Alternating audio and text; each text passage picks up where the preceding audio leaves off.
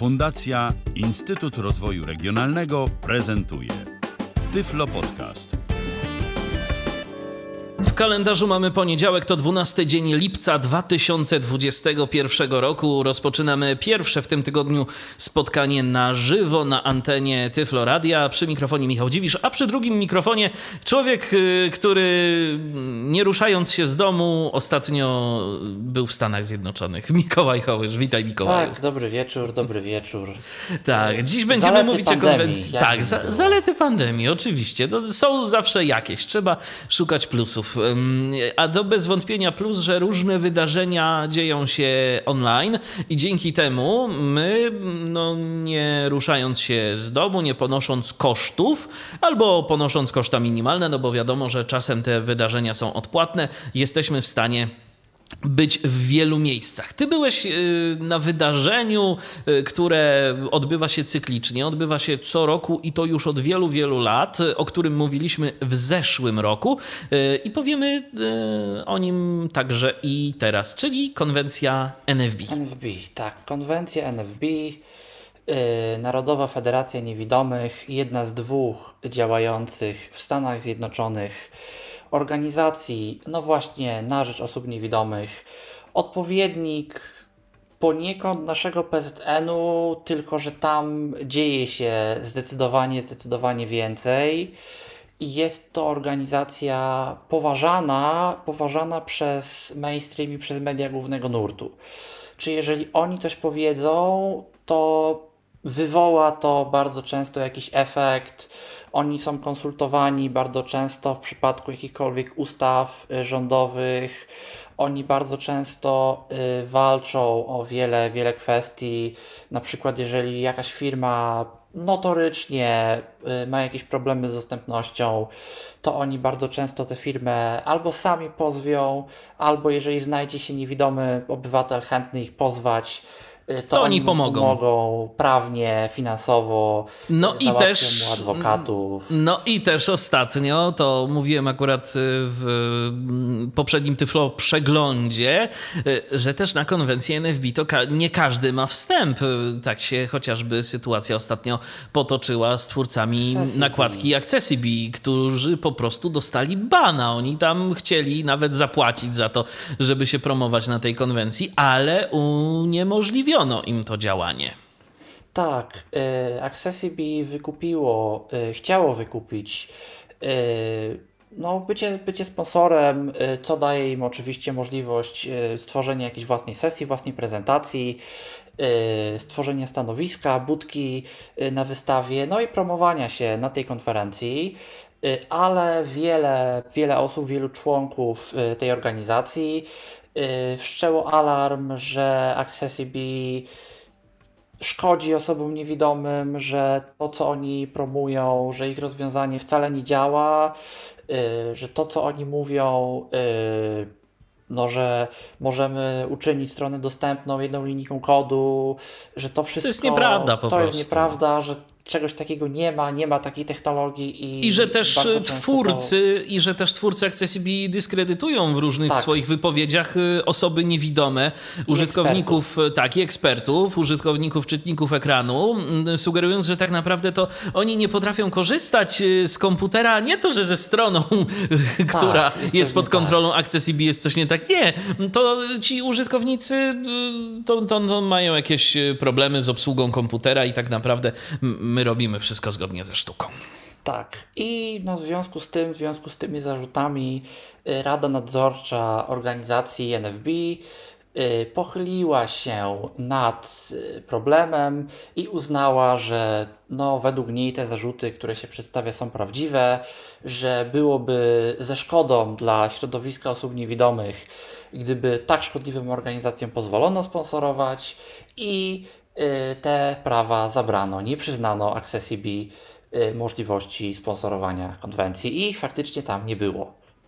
No i myślę, że nikt poza nimi nie płakał z tego powodu. Jeszcze zanim wystartujemy na dobre, to ja dodam, że jeżeli słuchacie nas na żywo, czyli 12 lipca 2021 roku, w poniedziałek, to możecie do nas dzwonić na Zoomie, tyflopodcast.net ukośnik Zoom, e, jeżeli chcielibyście o coś dopytać, e, a może też śledziliście e, konwencję NFB i chcecie się jakimiś swoimi wrażeniami podzielić, możecie też do nas pisać.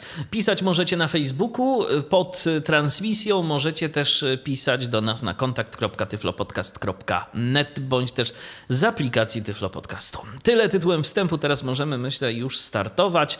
Yy, aplikacji doczekała się konwencja tegoroczna. Tak, w ogóle może zacznijmy od tego, jak cała konferencja była przeprowadzana, jak to wyglądało, no, co to znaczy konwencja wirtualna, jak to działa, jak okay. my jako Polacy mamy do tego dostęp. No więc tak, yy, konwencja miała swój formularz rejestracyjny. Yy, przed konwencją on już od marca bodajże był otwarty. Yy, rejestracja była darmowa. Mógł się zarejestrować każdy. Do tego stopnia formularz był dobrze zrobiony, że był tam nawet wybór kraju. Po wyborze Polski, jeżeli dobrze pamiętam, nawet pole Y, state slash province, czyli no stan lub prowincja, y, dostawało takie elementy jak dolnośląskie, wielkopolskie, lubelskie i po prostu nasze polskie województwo. Czyli zamiast stanu to województwo tak. się pojawiało. Y, numery telefonów polskie, wszystko, wszystko przechodziło. Więc absolutnie były, były wzięte pod uwagę osoby z zagranicy. I to muszę od razu powiedzieć, w stosunku do zeszłego roku tych osób było, ja uważam, że więcej. Przynajmniej ja się jakoś więcej z nimi spotykałem. Y, spotkałem osobę, dwie osoby z Rosji. Y, była osoba z Brazylii. Y, były osoby z Danii, z Macedonii. Naprawdę różne kraje, trzy osoby z Rosji nawet. Różne kraje gdzieś tam, a no nie miałem jakiegoś większego, wielkiego kontaktu, wielkiej styczności e, z samymi uczestnikami, bo no, taka jest specyfika już konwencji wirtualnej, a mimo wszystko było widać, że te osoby są, że te osoby są tam przyjmowane, że te osoby są tam chętnie jednak y, też przyjmowane. I jak się weszło na stanowisko na przykład jakiejś firmy, o czym też za chwilę, to też nie było absolutnie problemu z tym, że ktoś nie jest ze Stanów i w ogóle po co się tam pojawia. Y, czego z ciekawości, Mikołaju, obawiałem. w jaki sposób ty miałeś okazję y, wejść w interakcję z tymi uczestnikami z różnych krajów? Przy jakich okazjach to się działo? Y, o tym, o tym, o tym za chwileczkę, do tego Dobrze. wszystkiego dojdziemy. Tak. Y, no a więc tak, był formularz rejestracyjny. Rejestracja tak naprawdę nie dawała nam wiele, dawała nam y, po pierwsze dostęp do newslettera konferencyjnego, do informacji wszystkich niezbędnych, które od razu dostawaliśmy mailem. Po drugie, dawała nam dostęp do nagród, które były losowane raz na jakiś czas. Jeżeli ktoś oglądał y, tak zwaną sesję ogólną, o czym też za chwilę, y, to miał szansę taką nagrodę wygrać. Ja w większości akurat tej sesji nie oglądałem, o czym też za chwilę, y, więc no, nawet jeżeli wygrałem, to po prostu podejrzewam, że przegapiłem. Y, trzecia rzecz, y, o której rejestracja dawała nam dostęp, i to jest y, jedyny element konwencji, który tak naprawdę nas kompletnie nie dotyczył, to jest kwestia głosowania nad wewnętrznymi politykami organizacji, bo do tego trzeba było wykazać członkostwo w konkretnym no tam pododdziale organizacji na konkretny stan. To nas nie dotyczyło jako osób wchodzących z zagranicy.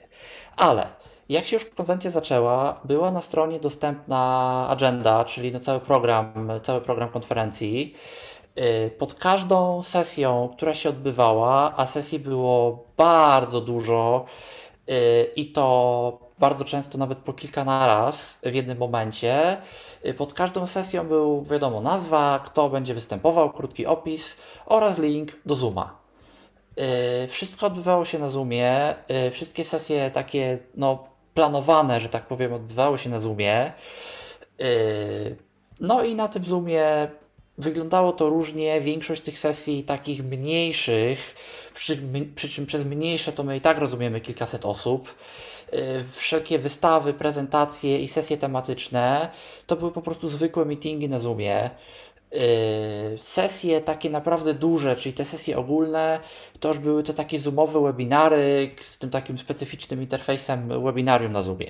Tak, do zadawania pytań tam jest tak, taki tak, tak, panel, tak. więc, więc Do to rzeczywiście jest tak. osobny, tak, gdzie już nie mamy nawet przycisku wycisz, nie wyciszaj, wideo, brak wideo. Bo tylko paneliści są wycisz, są- mają głos i później ewentualnie ktoś Tak. z widowni może zostać poproszony o zabranie głosu, ale domyślnie to nikt Nie z widowni nie może się wypowiadać.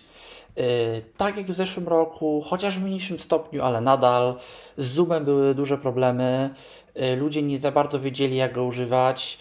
Yy, Bardzo często, na przykład przed meetingiem, nie było w ogóle wyciszone, nie było w ogóle zaznaczona opcja, że wszyscy członkowie są wyciszeni poza hostami, i efekt był taki, że się jeden przez drugiego przekrzykiwał, było słychać elokwensy, było słychać syntezę, yy, było słychać ludzi siebie nawzajem w głośnikach. Yy, po, potem oczywiście no, najczęściej doszli z tym do ładu, ale, ale to też to trochę zajęło.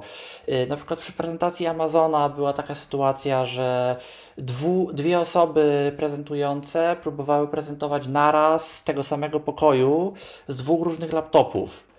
No i A nie to się zwykle dobrze nie kończy. Dokładnie, to się zwykle dobrze nie kończy, bo się słyszały nawzajem i tak dalej, i tak dalej. Yy, Trzeba było potem, musiały się przesiąść gdzieś tam na jednego laptopa, brzmiały po prostu tragicznie, no różnie z tym Zoomem było, ale było. W każdym razie, to była jedna część konwencji, do tego była aplikacja Crowd Compass. To jest taki system, no, który sobie można wynająć do przeprowadzania wydarzeń wszelkiego rodzaju.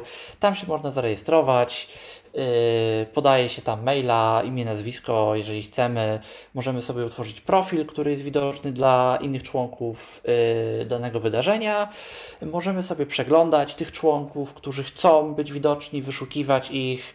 Tam mamy na przykład takie pola jak stanowisko, firma, w której pracujemy. Yy, więc możemy sobie szukać na przykład osób, yy, które się zajmują konkretną dziedziną, jeżeli mielibyśmy do nich, do nich jakieś pytanie. Możemy tym osobom wysyłać wiadomości, jeżeli dodadzą nas do kontaktów, yy, to pokazują nam wtedy swojego maila, swój numer telefonu. Yy, W Crowd Compassie była również zaimportowana cała lista sesji. Mogliśmy sobie dodawać sesje ulubione, stworzyć nasz taki własny plan konferencji i po prostu sobie tylko przeglądać na przykład sesje na dany dzień, które nas interesują. Mogliśmy sobie to wyeksportować do kalendarza yy, i też w Crowd Compassie mieliśmy listę wystawców. Y, Każdy wystawca miał dostęp w jakimś takim swoim wewnętrznym interfejsie crowdcompassowym y, do swojej takiej podstrony, gdzie tam mógł umieszczać co zechciał, linki do swoich stron, materiały, jakieś PDF-y, bardzo często się pojawiały broszurki, ale bardzo dużo wydawców umieszczało linki do, budka, do budki swojej na Zoomie. Y, Budki wystawców to były po prostu też y, najczęściej zwykłe pokoje zoomowe. Y, Tam się wchodziło. Ktoś miał chyba Google Meeta, ale generalnie to były zwykłe pokoje zoomowe. Tam się wchodziło. Google chyba zresztą nawet miał jeden dzień Google Meeta, ale potem się już chyba też nawet na Zooma przerzucili. Yy, ale generalnie to były pokoje zoomowe, wchodziło się na tego Zooma. Czasami tam się trzeba było zarejestrować, czasami to był po prostu zwykły link i sobie można oczywiście w odpowiednich godzinach, jak trwała wystawa, z wystawcą było porozmawiać na jaki temat yy, nas interesował. Oczywiście, jeżeli wy- wystawca był nam w stanie yy, na dane pytanie odpowiedzieć. Jak to wyglądało, jeżeli e, do wystawcy była kolejka? Czy to było tak, że po prostu były aktywne te pokoje oczekujące, tak zwane waiting roomy, to co my mamy na przykład w naszym e, zoomowym meetingu ustawione, że jeżeli ktoś do nas dzwoni, to musi swoje odczekać, czy wszyscy wchodzili naraz i po prostu wystawca usiłował nad tym wszystkim zapanować? Wiesz, to zależy. Y, To były, mam wrażenie, że meetingi tworzone przez wystawców i co wystawca zrobił, jak wystawca ustawił, tak było. Y, Od niektórych firm, które miały zwykłą budkę na Zoomie, zwykły meeting, bez żadnych ustawień, każdy mógł mówić ile tylko chciał. Y, przez firmy, gdzie był zwykły waiting room, y, ale zwykła domena tam us0 coś tam.zoom, tak jak, jak to zwykle bywa y, i wpuszczane na przykład po jednej osobie przez firmy, które mm, wpuszczały wszystkich, prosiły o podniesienie ręki i na przykład jeżeli ktoś miał więcej pytań, chciał dłużej pogadać, to go zabierano do breakout rooma, czyli takiego jakby meetingu obok.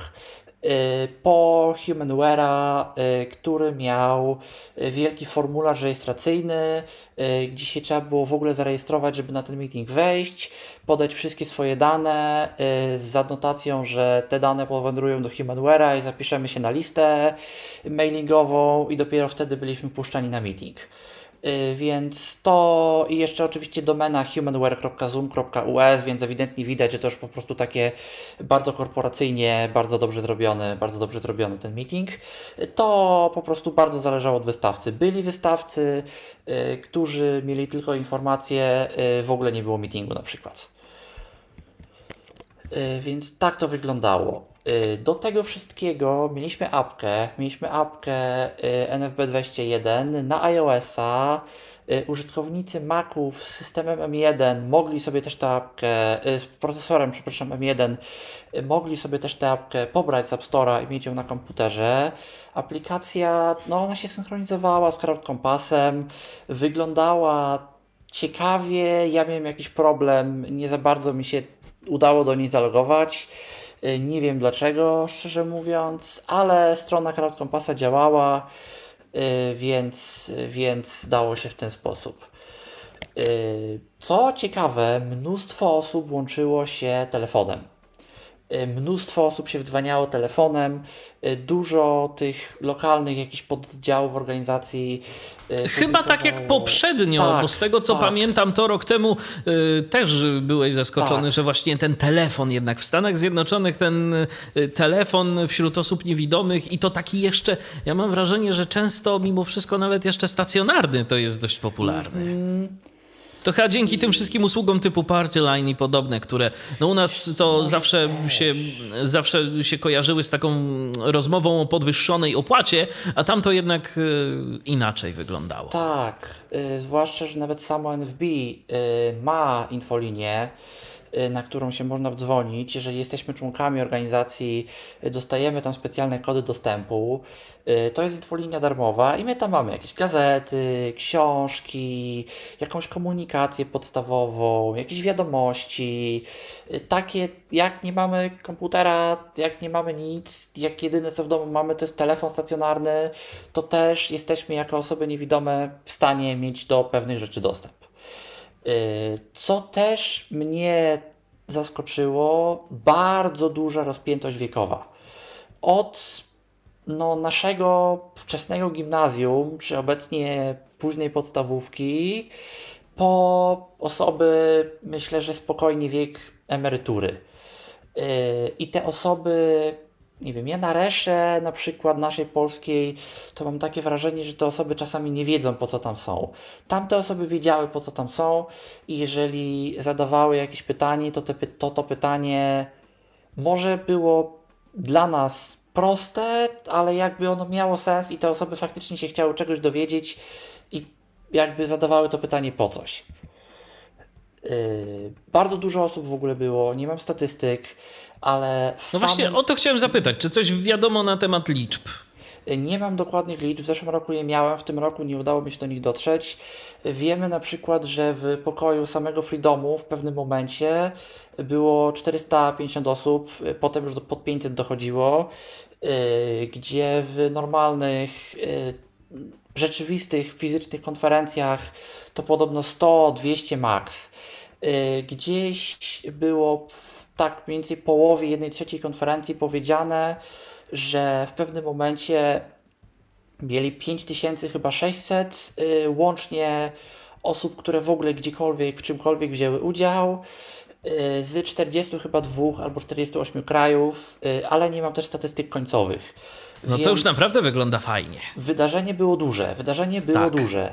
Y, mam wrażenie, że pod kątem osób większe niż w zeszłym roku, no ale pod kątem zawartości i o tym myślę za chwilę, no niestety niekoniecznie. No dokładnie, bo, bo tak. mam, chociaż wiesz, pytanie, czy pod kątem zawartości może dlatego nie było aż tak bardzo y, liczne, dlatego że ty już pewne rzeczy widziałeś i dla ciebie mniej rzeczy stanowiło nowości.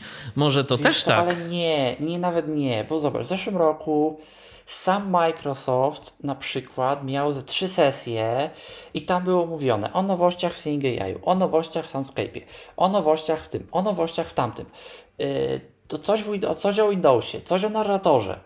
Tutaj w tym roku nic. Kompletnie w ogóle Microsoft był, nawet budki nie miał. Yy, był na, na wystawie, ale była tylko informacja, że jak macie jakieś pytanie, to tutaj macie nasz akces, wsparcie dostępności, tutaj macie formularz kontaktowy z ludźmi o dostępności, tutaj piszcie.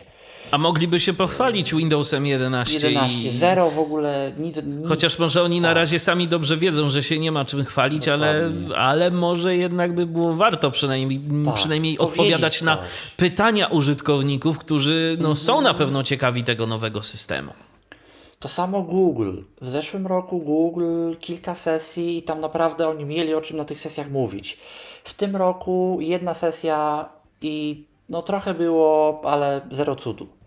Z mainstreamu to się najbardziej Amazon popisał, bo oni tutaj faktycznie trochę zaprezentowali. No i też w zeszłym roku było tego więcej, ale w tym roku no jedna sesja była i mieli, mieli o czym opowiadać. Y, gdzie no tam zawsze właśnie ten mainstream, to było to, że to była jedyna konferencja dla osób niewidomych, gdzie pojawiał się mainstream, gdzie pojawiały się firmy typu Microsoft, typu Google, no dobra, coś, coś jeszcze na Sisani gdzieś zawsze było, ale, ale no jedna z, jedna z powiedzmy niewielu, y, gdzie pojawiały się firmy typu Microsoft, typu Google, y, typu, nie, Apple'a chyba nigdy nie było, ale właśnie Amazon, też amerykańskie, amerykańscy wystawcy typu T-Mobile, typu, typu Spectrum, ich telewizja kablowa, typu Target, jedna z największych sieci sklepów w Stanach, i takie firmy są i były, i one mają sesje. W tym roku było tego mniej. Te firmy, no już dla niewidomych, które oczywiście też były, też mają sesje, też było tego mniej. Gdzie praktycznie tradycją było co roku, y, że na NFB było ogłoszone na przykład przez Freedom, co będzie w JOSie w następnym roku gdzie w tym roku coś było powiedziane, coś było zajawione, ale takich większej ilości szczegółów to myśmy nie dostali niestety. O się też oczywiście będzie za chwilę. Będzie za chwilę, tak.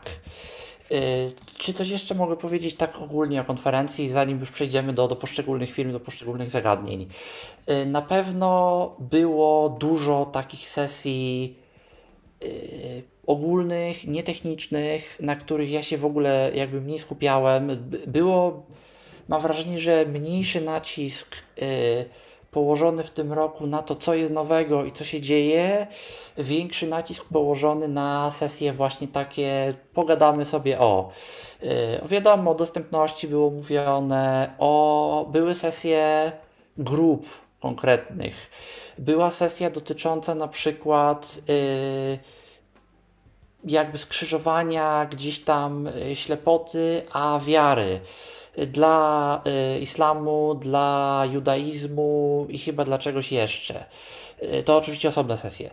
Były sesje, był bardzo duży nacisk w tym roku położony, co jest w ogóle teraz trendem w Stanach Zjednoczonych, na takie pomaganie osobom, które borykają się z jakimś e, wykorzystywaniem seksualnym, e, mniejszości, kwestia mniejszości, e, kwestia homoseksualizmu, kwestia wykluczenia kobiet w organizacjach dla niewidomych, kwestia tego, z jakimi problemami się właśnie borykają no, osoby na przykład z, o innej orientacji seksualnej, Y, które, które mają y, też problemy ze wzrokiem. Ja nie byłem na tych sesjach, y, ale jakby ja mam świadomość, że te sesje były, że te sesje się odbyły. Jest to bardzo, bardzo amerykańskie, bo tam po prostu teraz jest, jest na to, jest na to też moda. Oczywiście dobrze, dobrze, że się to dzieje, ale też po prostu organizacje, które nie robią takich rzeczy, są też zaraz oskarżane o y, o nietolerancję, o nieszanowanie, o nieszanowanie mniejszości, więc też się organizacje próbują pokazać od tej strony, że no my, my nie jesteśmy tacy, więc, więc my też robimy. Y, no to w tym roku, w, tym, w zeszłym roku też oczywiście to było, w tym roku tego było więcej, co też oczywiście nabrało szczególnego znaczenia, bo były, było sporo, spora afera kilka miesięcy temu o to, że dużo gdzieś tam wysoko postawionych osób y, w tej organizacji y, miało jakieś tego typu właśnie związane z nadużyciami seksualnymi rzeczy albo To się chyba ciągnie w ogóle już od tak. poprzedniej konwencji. Wiesz, to tak, ale w tym roku też gdzieś tam, gdzieś tam się o tym mówiło. Yy, i, i, że mają dużo za uszami, że ukrywali pewne rzeczy. To mniej więcej podobną sytuację do tego, co my mamy obecnie w przypadku Kościoła katolickiego, to, to oni mają właśnie w przypadku tej organizacji. No tylko, że tam od razu yy, w pewnym momencie komisje, komitety, dużo się zaczęło dziać w tej kwestii. Już w tym roku było bardzo dużo mówione, że otwarła się na przykład infolinia, Y, dla osób, które borykają się z takimi problemami właśnie wewnątrz organizacji, proszono o raportowanie, y, były sesje osób, które właśnie czegoś takiego doświadczyły, y, specjalnie powiedziane, że proszone są, żeby tylko takie osoby gdzieś tam wchodziły i, i mogły, że tak powiem, udzielać sobie nawzajem wsparcia. wsparcia. Mhm. Było jakieś takie właśnie miejsce, gdzie można było też przyjść. Było na przykład spotkanie z prawnikami dotyczące właśnie osób niewidomych, y, czy jeżeli ktoś miał jakieś pytanie, na przykład, czy coś jest związane, czy coś, oczywiście no, na tamtejszych warunkach, y, co jest dyskryminacją, może być gdzieś tam no, zgodnie z prawem jakieś odszkodowania i tak dalej w tej kwestii wyciągane, to też były, było, było kilka takich spotkań, można było przyjść. Y, było dużo właśnie sesji, no, organizacje tak zwane Y, Greek Letter Organizations to są takie społeczności głównie na, na uniwersytetach działające w Stanach. Y, to w ogóle też jest ciekawy fenomen, y, którego u nas w Polsce nie ma. Jak tam wygląda kwestia związana z osobami niewidomymi? Było mnóstwo, to w czwartek były, były te, te sesje, tak zwane dywizje, czyli sesja na przykład osób zajmujących się zawodowo informatyką, sesja osób pracujących w nauce, sesja osób y, pracują, zajmujących się gdzieś tam hobbystycznie krótkofalarstwem i radiofonią, sesja osób y, zajmujących się sportem, zajmujących się uczeniem osób niewidomych, zajmujących się dziećmi niewidomymi w ogóle była cała osobna ścieżka na konwencji Y, dla dzieci, dla osób poniżej 18 roku życia. To oczywiście nie oznaczało, że te osoby nie mogły y, wejść na konwencję, bo z tego co wiem, nie było generalnie restrykcji wiekowych, y, ale była jakby specjalnie dla, dla osób młodszych też przeznaczona spora ilość sesji, gdzie też one miały sesję pod sesję i było tego trochę. Obok tego wszystkiego odbywała się konferencja dotycząca nauczania orientacji Y, wśród osób niewidomych, y, która chyba trwała jeden dzień. Y, więc naprawdę wydarzeń tam było dużo, ale z takiej perspektywy no, interesującej nas, interesującej nas i, i technologicznej, w tym roku było tego mniej niż w zeszłym, chociaż nadal parę ciekawych rzeczy było. I co ja sobie na przykład bardzo cenię, co ja sobie na przykład bardzo ceniłem, to, że z tymi ludźmi można było porozmawiać, że można było porozmawiać z wystawcami i bardzo często, zwłaszcza w tych filmach dla osób niewidomych, osoby, które były w budkach, bezpośrednio pracowały nad tymi urządzeniami, nad tymi technologiami. Czyli to nie były jakieś mówili. osoby z działu marketingu, tylko po prostu zawsze. twórcy. Tak. Bardzo często na przykład jedna osoba była jakimś tam menedżerem, która faktycznie coś robiła i jak ja się na przykład w Humanware podpytałem, yy, co jest w środku w Brilliantach, BX-ach, y, jaki tam jest system, jak tam działa ten firmware, co oni tam zrobili, y, czy jest w ogóle jakaś opcja, żeby tam zewnętrzne apki pod to pisać, y, jak oni się na przykład na to zapatrują, to, to ja byłem w stanie bez problemu uzyskać na takie pytania odpowiedzi, bo tam byli ludzie, którzy się po prostu na tym znali, którzy sami kod tam pisali i oni mi byli w stanie po prostu takie rzeczy wyjaśnić. No i też jak się ich zapytało, że taka jest i taka opcja, takie jest i taki, takie pytanie, czy firmware jest w stanie zrobić to? No to oni byli w stanie wyjaśnić, bo oni sami tak naprawdę byli w stanie zerknąć do kodu nawet i, i, to, i to po prostu sprawdzić. Yy, więc to też, to, to też był plus. W JOSie, we Freedomie na przykład, niestety nie udało mi się porozmawiać z Freedomem, o którym za chwilę. Yy, był w ogóle człowiek, główny menedżer tam od, od JOSa, więc, więc on też sporo wiedział na przykład. No i właśnie, chyba już możemy powoli tak, przejść do, do, konkretów i zaczynamy od Freedomu, zaczynamy od y, tego, co tam w JOSie nowego. Tak, co tam w JOSie? Freedom bardzo reklamuje teraz swoją licencję y, roczną, bardzo mówi o tej licencji rocznej, która jest na razie dostępna tylko i wyłącznie w Stanach.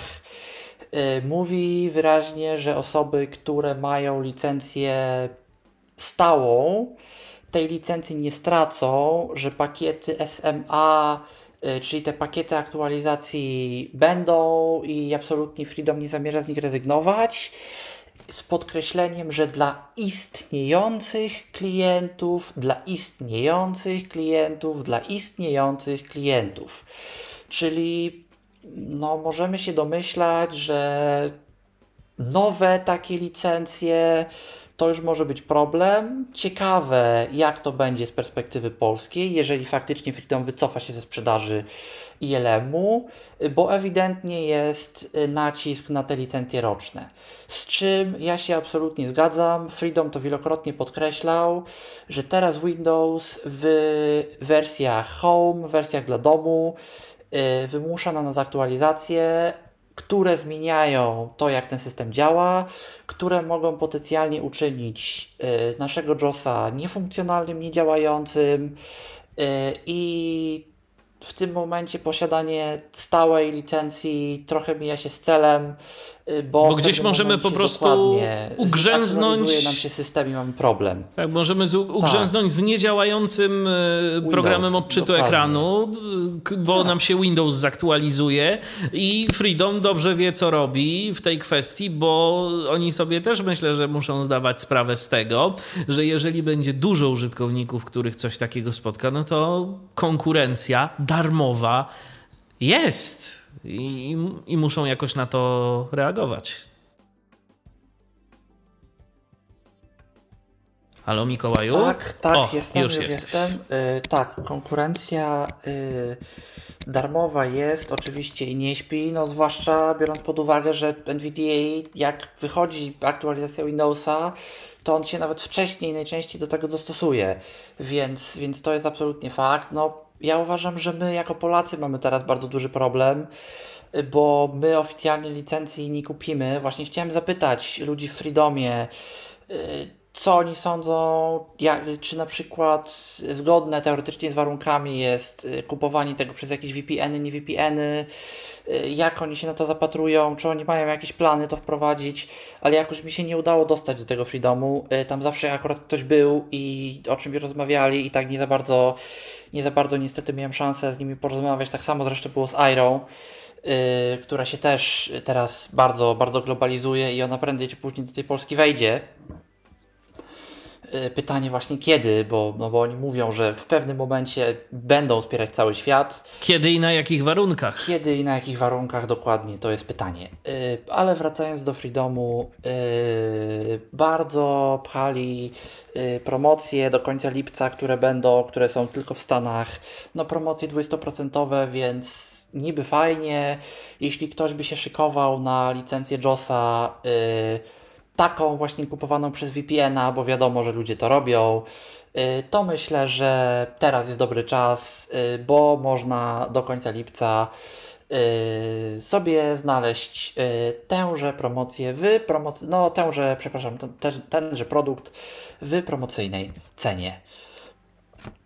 Mm, były też, było wspomniane co do Windowsa 11, Freedom Scientific mówi tak. JAWS w wersji 2021 jakoś z tym Windowsem 11 działa. Oczywiście na razie bazując na betach, na razie bazując na wersjach wstępnych. Jest pewne, y, jest kilka rzeczy, które są czytane nie tak jak Freedom by chciał, ale da się z tego systemu korzystać i jest to używalne. Yy, nie będzie czegoś takiego, że z czegoś się nie da korzystać. Po prostu coś może być dziwnie czytane. Yy, Już aktualizacja lipcowa, yy, która ma pod koniec tego miesiąca się ukazać yy, w mm, dla JOSa 2021 y, ma sporo w tej kwestii poprawić, ale pełną kompatybilność z Windowsem 11 będzie miał dopiero JOS 2022.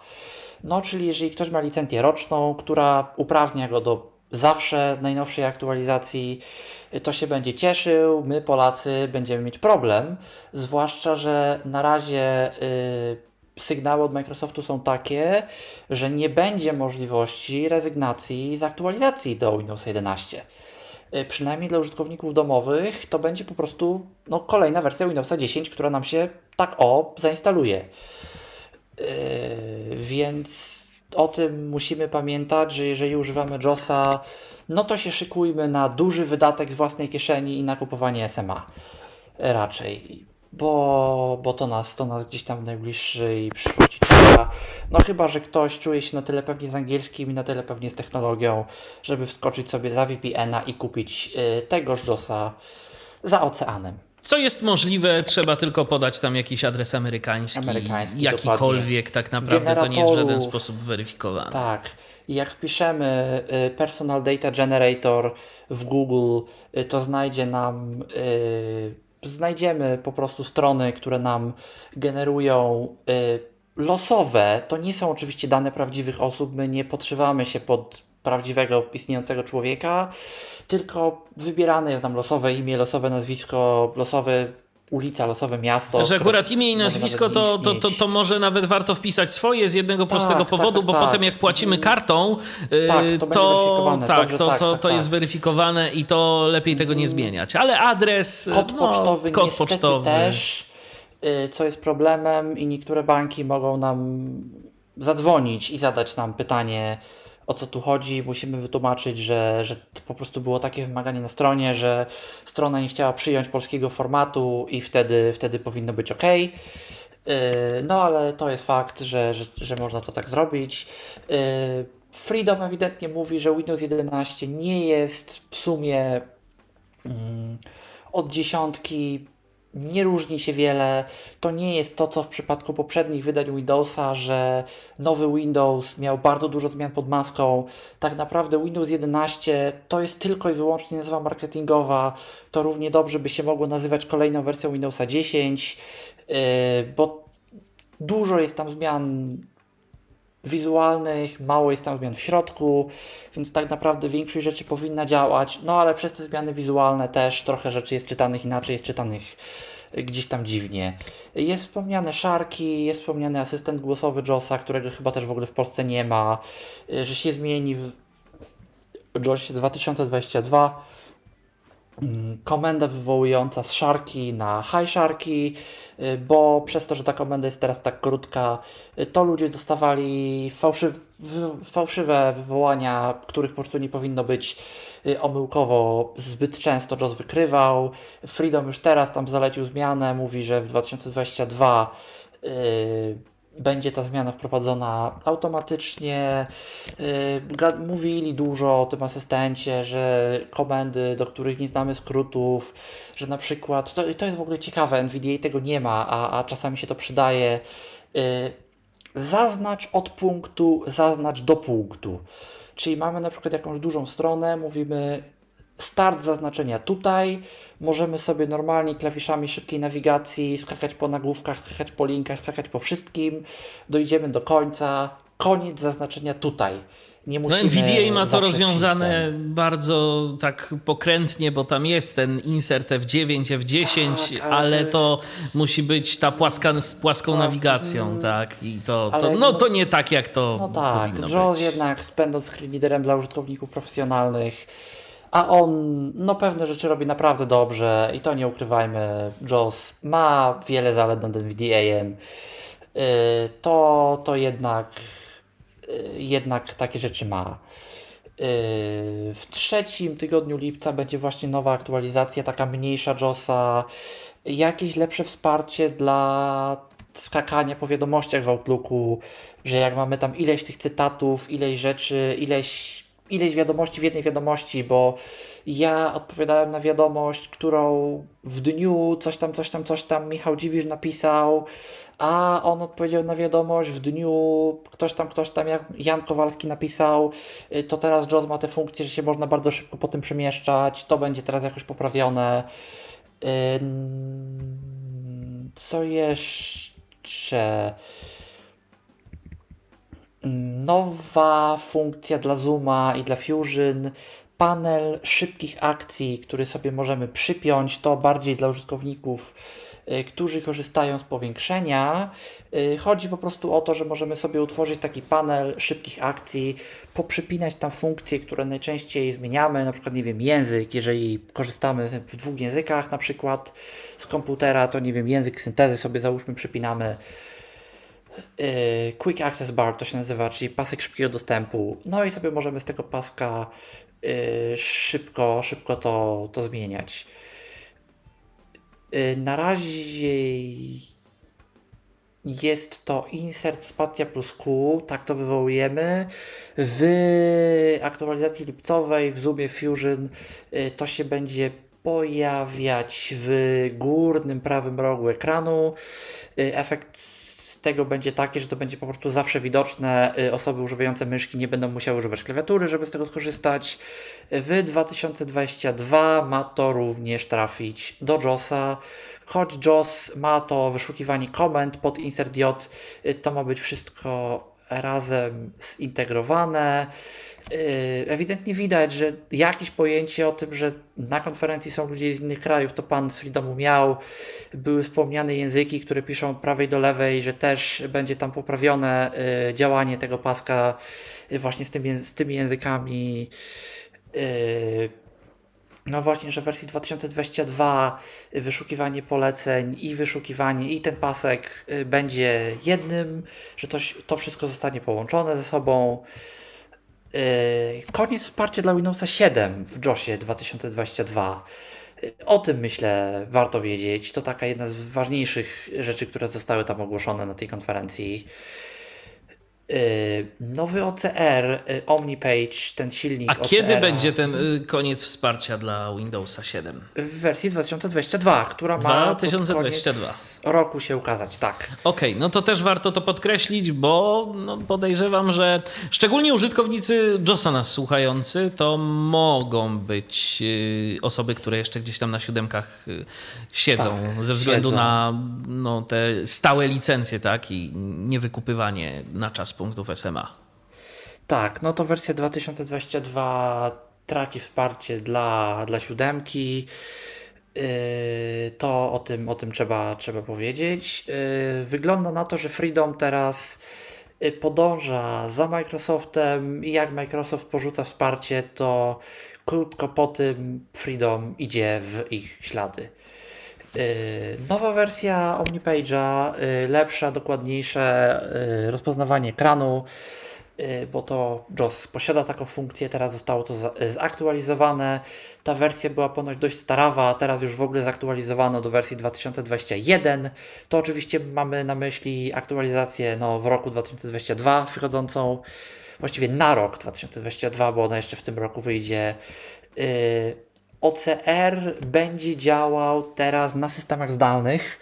Jeżeli łączymy się z komputerem zdalnym, to OCR będzie na tym komputerze zdalnym działał. Y, do tej pory ta funkcja była zablokowana y, ze względu na jakieś restrykcje związane z licencją. Y, więc o tym też warto pamiętać, bo warto wiedzieć, jeżeli ktoś z tego korzysta. No tylko był tu wspomniany Citrix, były tu wspomniane usługi terminalowe Windows, y, czyli te takie typowe y, rzeczy dla firm. a nie było nic wspomniane o JOSie Tandem, więc to może być faktycznie tylko w tej droższej licencji Y, która zawiera wsparcie dla, dla pomocy zdalnej. Pytanie, jak to z JOS Tandemem w ogóle jest i czy to y, miało miejsce? Czy na przykład w JOS Tandemie po prostu, y, no bo to są dwie kopie JOSa tak naprawdę rozmawiające ze sobą i czy tu, czy w mhm. JOS Tandemie nie dało się już teraz uruchomić tego mechanizmu OCR? Wiesz co, dobre pytanie. Z drugiej strony na Titrixie i na usługach terminalowych zauważ, że to są też dwie kopie JOSa. Że... Tak, tylko że tu licencja jest y, jakby tak, po stronie, a, dobra, po stronie y, osoby, która y, łączy się. Tu jest jakby jedna mhm. licencja, a tu są dwie. Dwie, tak. Więc, no, może tak być. Może tak więc, tak tu, więc tu mnie wcale nie dziwi, że to, mhm. to jest, ale ja się wcale nie zdziwię, że jeżeli w tandemie to po prostu no, JOS gada Działa. z JOSem, tak? Pe mhm. w pełni licencjonowanym. Tak, tak, tak, możesz, może mieć faktycznie rację. W każdym razie był wspomniany wspom był wspomniany terminal, e, usługi pulpitu z danego Windows, ale nie było wspomnianego tandemu. E, no właśnie było powiedziane, że brak planów e, porzucenia licencji dla istniejących klientów, ale no było podkreślone, że dla istniejących. Pytano o aplikację z Androida na Windowsie 11. Na razie nic na ten temat nie wiadomo. Pytano o Elbraila na Windowsie 11. Mówi Freedom, że Elbrail Windowsa 11 będzie wspierał. Jeżeli ktoś posiada Elbraila, że Windows 11 będzie dla Elbraila bez problemu kompatybilny, że będzie go można zainstalować. Tak na razie przynajmniej wynika. Y, zadano pytanie, y, czy się Freedom nie obawia, no bo takie plotki krążą, że Microsoft ma ograniczyć aplikacje tylko do sklepu Windows, że ma jakieś restrykcje na zewnętrzne screenreadery nakładać. Freedom powiedział, współpracujemy z Microsoftem w tej kwestii, mówimy im, zróbcie to tak, żebyśmy my mogli z tym wszystkim współpracować. No, wychodzi na to, że Microsoft, że Microsoft faktycznie coś planuje, ale no, przynajmniej na razie Freedom jakoś z tym Microsoftem współpracuje. Zobaczymy, jak to będzie. Zobaczymy, co w takim razie z NVDA na przykład, jeżeli coś takiego miałoby wejść. Yy, było wspomniana kwestia vocalizera, bo Nuance yy, został przyjęty przez Microsoft, jak ta kwestia wygląda. Freedom powiedział oficjalnie Nuance nie posiadał vocalizera, yy, Microsoft vocalizera nie przejął, to zostało wydziedziczone do zewnętrznej firmy Serance, i Serans jak najbardziej współpracuje z Freedomem. Y, Freedom ma zapewnione aktualizacje, nowe wersje Vocalizera, które będą wychodzić, będą w JOSie. Y, o tym Freedom jest przekonany, to jest podobno ustalone. Więc no tutaj mamy przynajmniej z jednego źródła jakieś potwierdzenie. Y, to też jest dość ważna informacja, że no, że firma Serans jakieś wsparcie dla osób niewidomych gdzieś tam ma i jest gotowa z firmami produkującymi produkty dla osób niewidomych, jak współpracować i tego vocalizera im nadal dostarczać. Myślę, że to jest też e, ważna informacja. E, co jeszcze? Tak, z Freedomu to tyle. Miałem do nich jeszcze kilka osobistych pytań, ale niestety nie udało mi się, no jak już wspomniałem, do nich na stanowisko zajrzeć. No to skoro już Freedom mamy za sobą, czy właściwie to całe VFO Group, e, no to teraz możemy przejść do Humanware. Tak, teraz owszem, e, Humanware. I to. To jest w ogóle ciekawa firma. Humanware. Po Humanware'ze też po APH, o którym będzie za chwilę jeszcze bardziej, widać, że oni po prostu tworzą produkt na rynek amerykański i na rynki zachodnie. Y, to jest produkt mało dla użytkownika, bardzo dla firmy. Y, bo tam y, na przykład taki, takie urządzenia jak notatniki brajlowskie, no, na których oni się też skupiają, nie są one dawane do, do, dla, dla osoby bezpośrednio. One są najczęściej dawane szkole i szkoła potem daje je na przykład uczniowi. I szkoła sobie życzy, żeby na notatniku były takie i takie i takie restrykcje. Mm, więc to, to Humanware bierze pod uwagę i oni sprzedają właśnie bardzo we współpracy z APH, o którym też za chwilę dla szkół i wiele tych y, feature'ów y, Humanware'a y, właśnie no, na tym, na tym polega i oni się tym wyróżniają spośród innych firm, że oni po prostu spełniają te wszystkie wymagania, które, które, które te instytucje mają. Ale brylianty Bix BI 40X i BI 20X jak dla mnie fajne, fajne urządzenia, szczerze mówiąc, bo niby, niby notatnik brailleowski, taki w stylu Braille Edge'a, Himsa, ale z drugiej strony ma Wi-Fi i ma audio.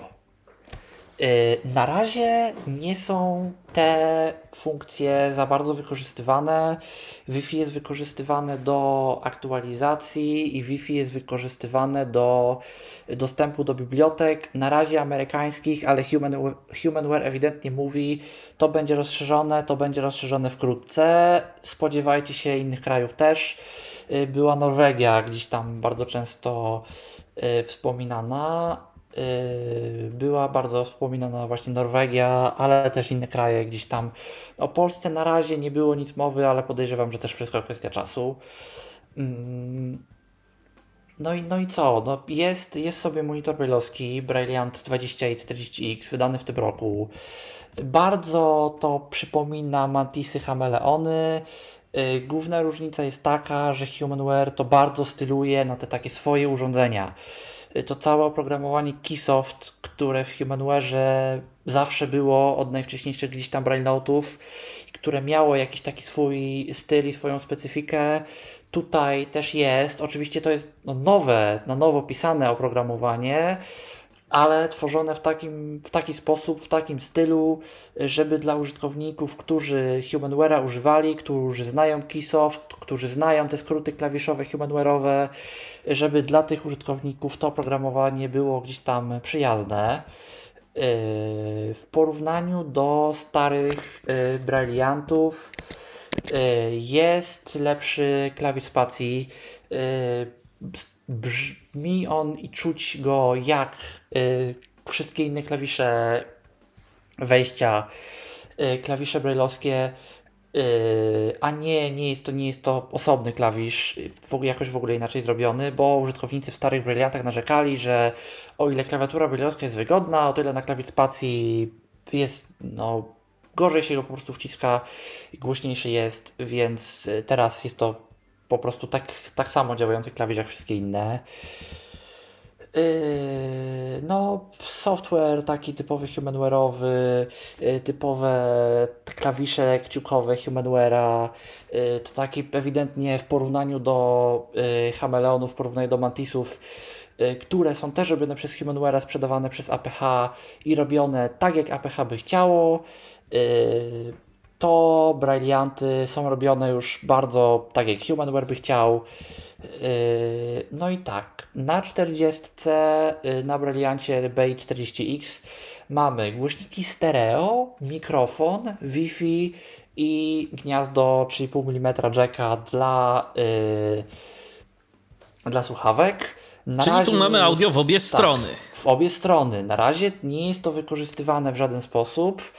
Y, ale y, już wiadomo, że w najbliższym czasie y, bralianty Bix, przepraszam, nie bralianty, tylko chameleony i mantisy, chameleony chyba bardziej nawet, APH, dostają wsparcie dla syntezy mowy, no więc skoro APH dostaje, to a to jest bardzo podobne oprogramowanie i podobno technicznie, to te notatniki mają ze sobą jednak trochę wspólnego, y, no to yy, jednak może, może, może, może Humanware też dostanie, czyli prawdopodobne jest, że dostanie.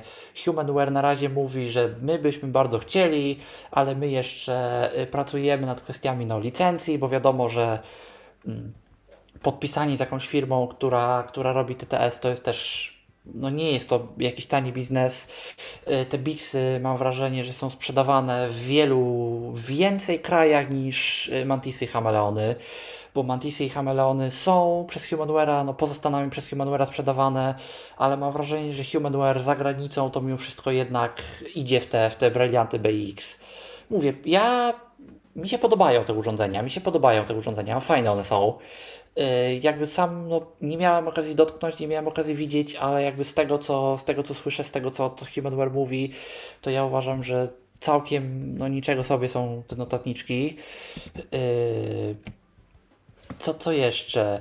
Ma USB typu C yy, i to już też Humanware mówi, że oni będą w ten standard iść, że rezygnują gdzieś tam z mikro USB, że, że teraz zarówno dla portu transferu danych, jak i dla ładowania, to po prostu teraz będzie jeden port USB-C i tyle. Yy, mówią od razu, że yy, Brailleanty działają na podstawie LibLouisa, yy, czyli tablice brailleowskie z LibLouisa. Jak w LibLouisie tablica jest, to jest i w Brailleancie. No, czyli możemy przypuszczać, że polski na tym Brailleancie będzie działał. Yy, przynajmniej w kwestii tablicy brailleowskiej, no w kwestii interfejsu podejrzewam, że jeszcze nie, ale no w kwestii tablicy brailleowskiej, yy, skoro to LibLouis, to jest szansa na to, że będzie działał. Yy, co jeszcze? Mamy w tym brailleancie, w notatniku możliwość prostego transferu mm, z komputera i na komputer yy, plików. Yy, w poprzednim brailleancie był to, była aplikacja Brilliant Sync na iPhone'a i z tą aplikacją mogliśmy synchronizować notatki. Teraz jest to zwykła pamięć przenośna, możemy to podłączyć do komputera i mamy notatki tak o, możemy wrzucać i wyciągać pliki. Yy, co jeszcze? Można używać kilku języków jednocześnie. To jest też fajna rzecz. Yy, nie wiem, czy inne notatniki to mają. Możemy sobie dodać yy, kilka tablic brailleowskich bez problemu i sobie akordem spacja L wyświetlić szybko menu, przełączyć tablicę, czyli na przykład, nie wiem, jeżeli korzystamy, uczymy się, nie wiem, niemieckiego, hiszpańskiego, rosyjskiego, potrzebujemy braille'a cyrylicy, to sobie możemy szybko przełączać się w ten sposób. No, programowanie właśnie Keysoft Lite, czyli ten taki prostszy Keysoft. Keypad, edytor tekstu, prostsza wersja Keyworda, czyli tego edytora znanego z BrainNote'ów. Na razie umie otwierać dużo formatów, zapisywać do TXT.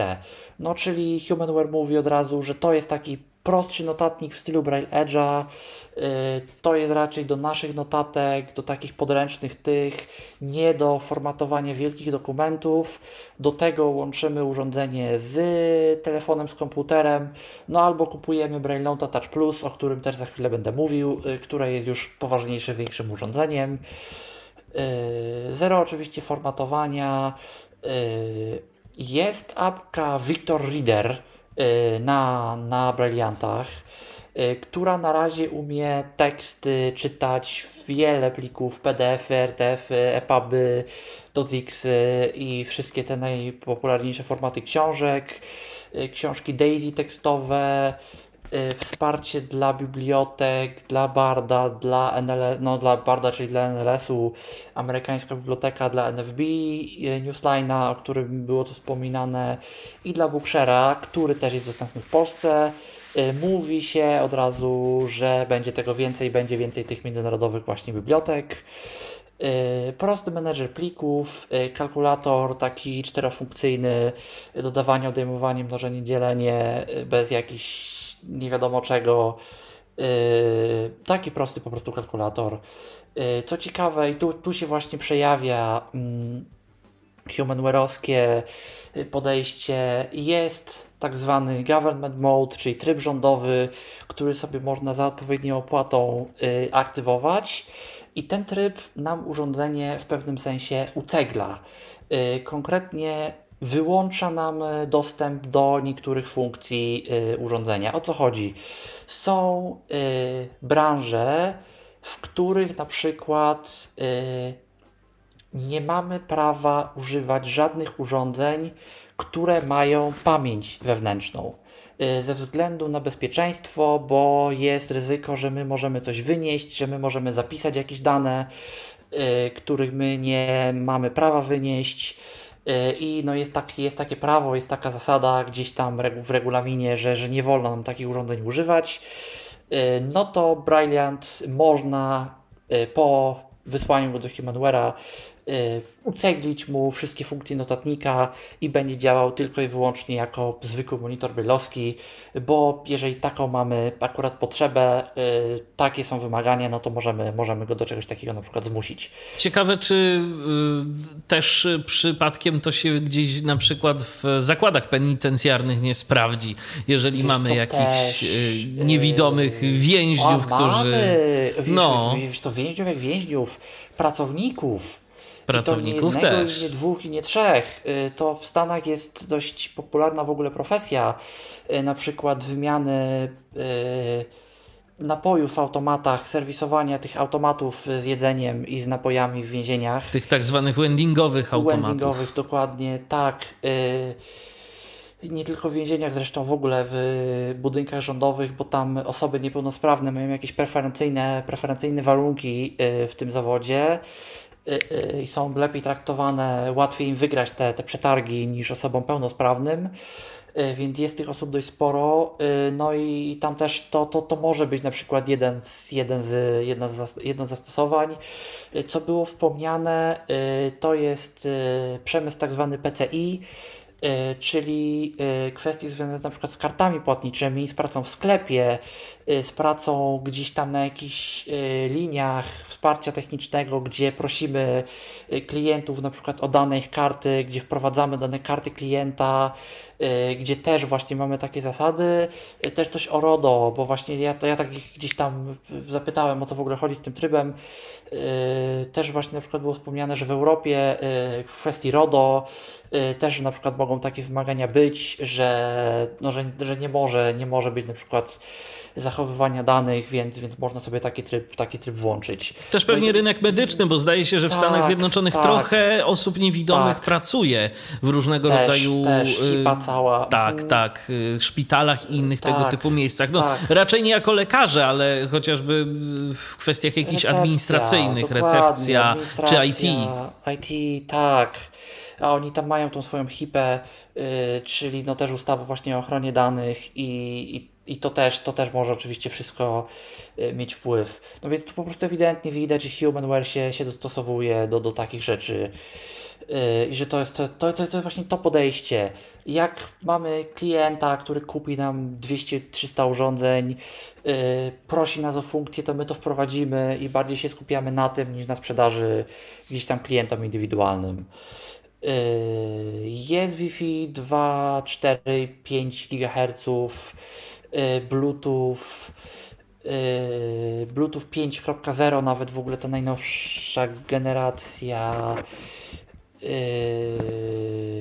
w, na końcu tego miesiąca, początek sierpnia, będzie beta nowego firmware'u 1.2, który bodajże gdzieś tam jesienią ma się oficjalnie ukazać tego roku.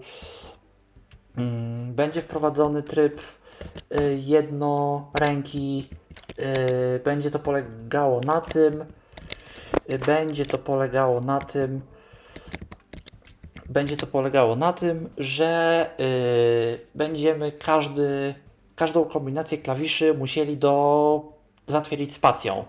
Czyli na przykład, jeżeli chcemy nacisnąć, nie wiem, spacja 1, 2, 3, akord M, to możemy nacisnąć spacja 1, 2, 3, EL, przepraszam, i spacja osobno no, na końcu zatwierdzamy. Czy jeżeli mamy jakieś problemy, mm, potrafimy na przykład tylko jeden klawisz na raz wcisnąć, bo mamy jakieś y, zaburzenia motoryczne, to będziemy to w stanie bez problemu obsłużyć. Dziwi mnie, że oni dopiero teraz y, taki tryb wprowadzili, bo to w różnego rodzaju notatnikach tak, brajlowskich to jest rzecz to od dawna spotykana. Ja jeszcze pamiętam w swoim mm. Braille'cie 2000, tak. który pamięta końcówkę lat 90. miałem ten tryb, notabene domyślnie włączony i zastanawiałem się, dlaczego dlaczego mi y, żadne skróty z instrukcji A. nie działają. A to wiesz co, nie, to tutaj, to, to, to, to, wiesz, to był firmware 1.0, więc no tam jeszcze parę rzeczy mogło być gdzieś tam niedopracowane. No teraz wychodzi wersja 1.2, więc ewidentnie No tak. widać, że no jest, jest to i po prostu pracuje się nad tym. Yy, W wersji 20-znakowej yy, to jest wersja trochę uboższa, yy, brak klawiszy poleceń obok spacji, yy, brak głośników stereo, jest głośnik mono i jest jack, czyli jeżeli byśmy potrzebowali kiedyś stereo, to sobie możemy podłączyć słuchawki. Yy, Brak mikrofonu, więc tu już jest mówione, że w pewnym momencie się te oprogramowania, bo oprogramowanie na razie jest bardzo podobne, ale one się w pewnym momencie rozjadą. To jest powiedziane, bo 40 ma mikrofon, no czyli zakładamy, że jakiś dyktafon, coś tego typu yy, będzie, będzie. Yy, 40 ma 32 GB pamięci wewnętrznej, 20 ma 16. To jest i tak bardzo dużo. Jeżeli tam głównie zapisujemy te X-Teki, to o, dużo my tam tego zmieścimy. Yy, 20 przez to, że nie wspiera 5 GHz, yy, nie wspiera też Bluetootha 5.0 yy, i wspiera tylko Bluetootha 4.2, yy, czyli no trochę, trochę starszego. Yy, oprogramowanie praktycznie identyczne.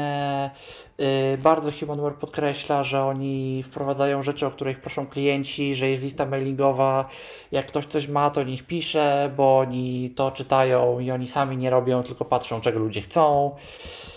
Yy, też o Braille Touch Plus, czyli tym no, na Androidzie było powiedziane yy, dość sporo. Mm, Nowa aktualizacja, dużo nowych yy, funkcjonalności, yy, kompletnie przebudowany menedżer plików, key files, yy, ze wsparciem natywnym dla chmur, na pewno OneDrive, na pewno Google Drive, może Dropbox.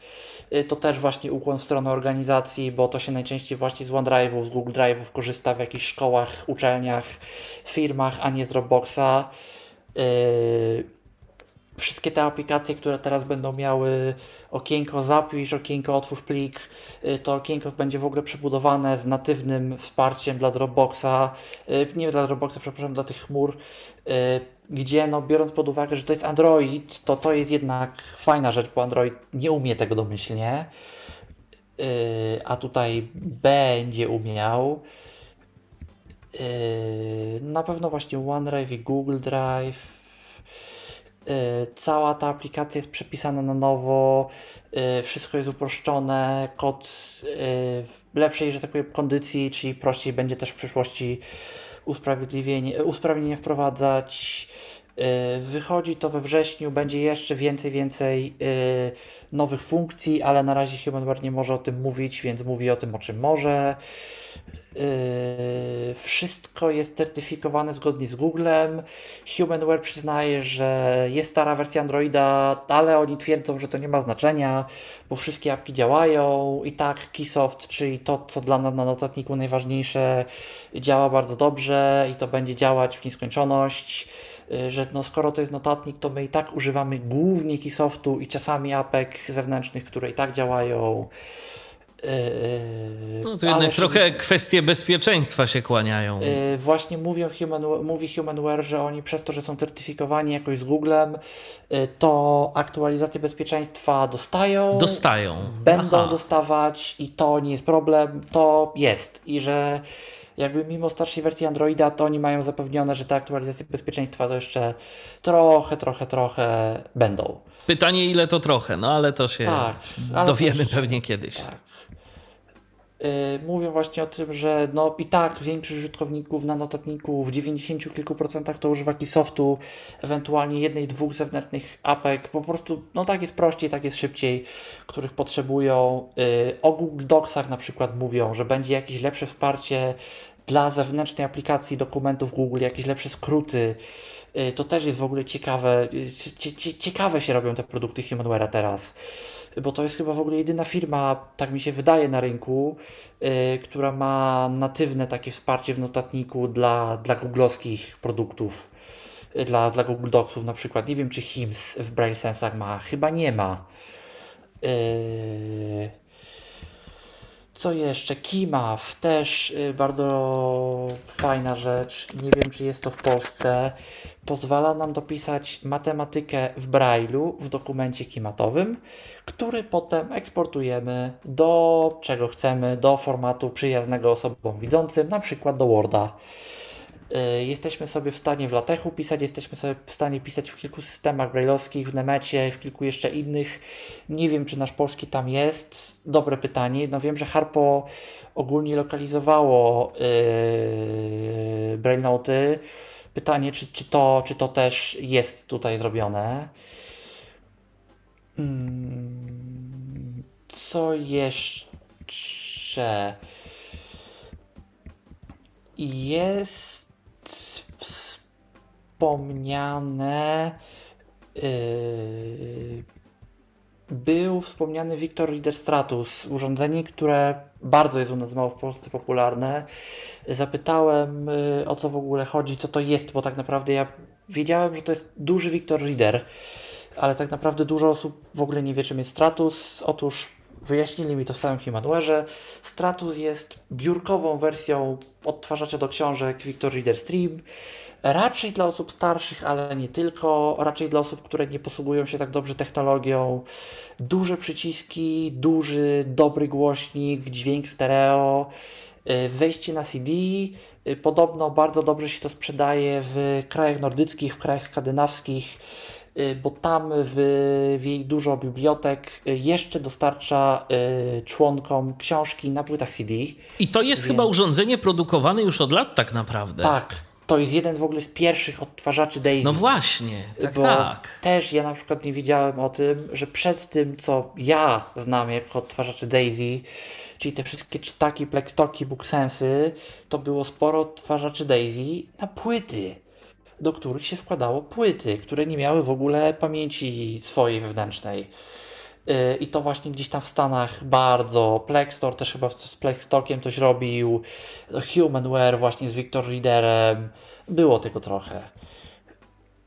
Yy, Co jeszcze? Pytałem, jak wygląda yy, kwestia z Gmailem, bo wiem, że na przykład HIMP miał problem, bo tam Google wprowadzał sporo zmian i sporo kwestii związanych z bezpieczeństwem z Gmailem, przez co dużo urządzeń przestało tego Gmaila wspierać.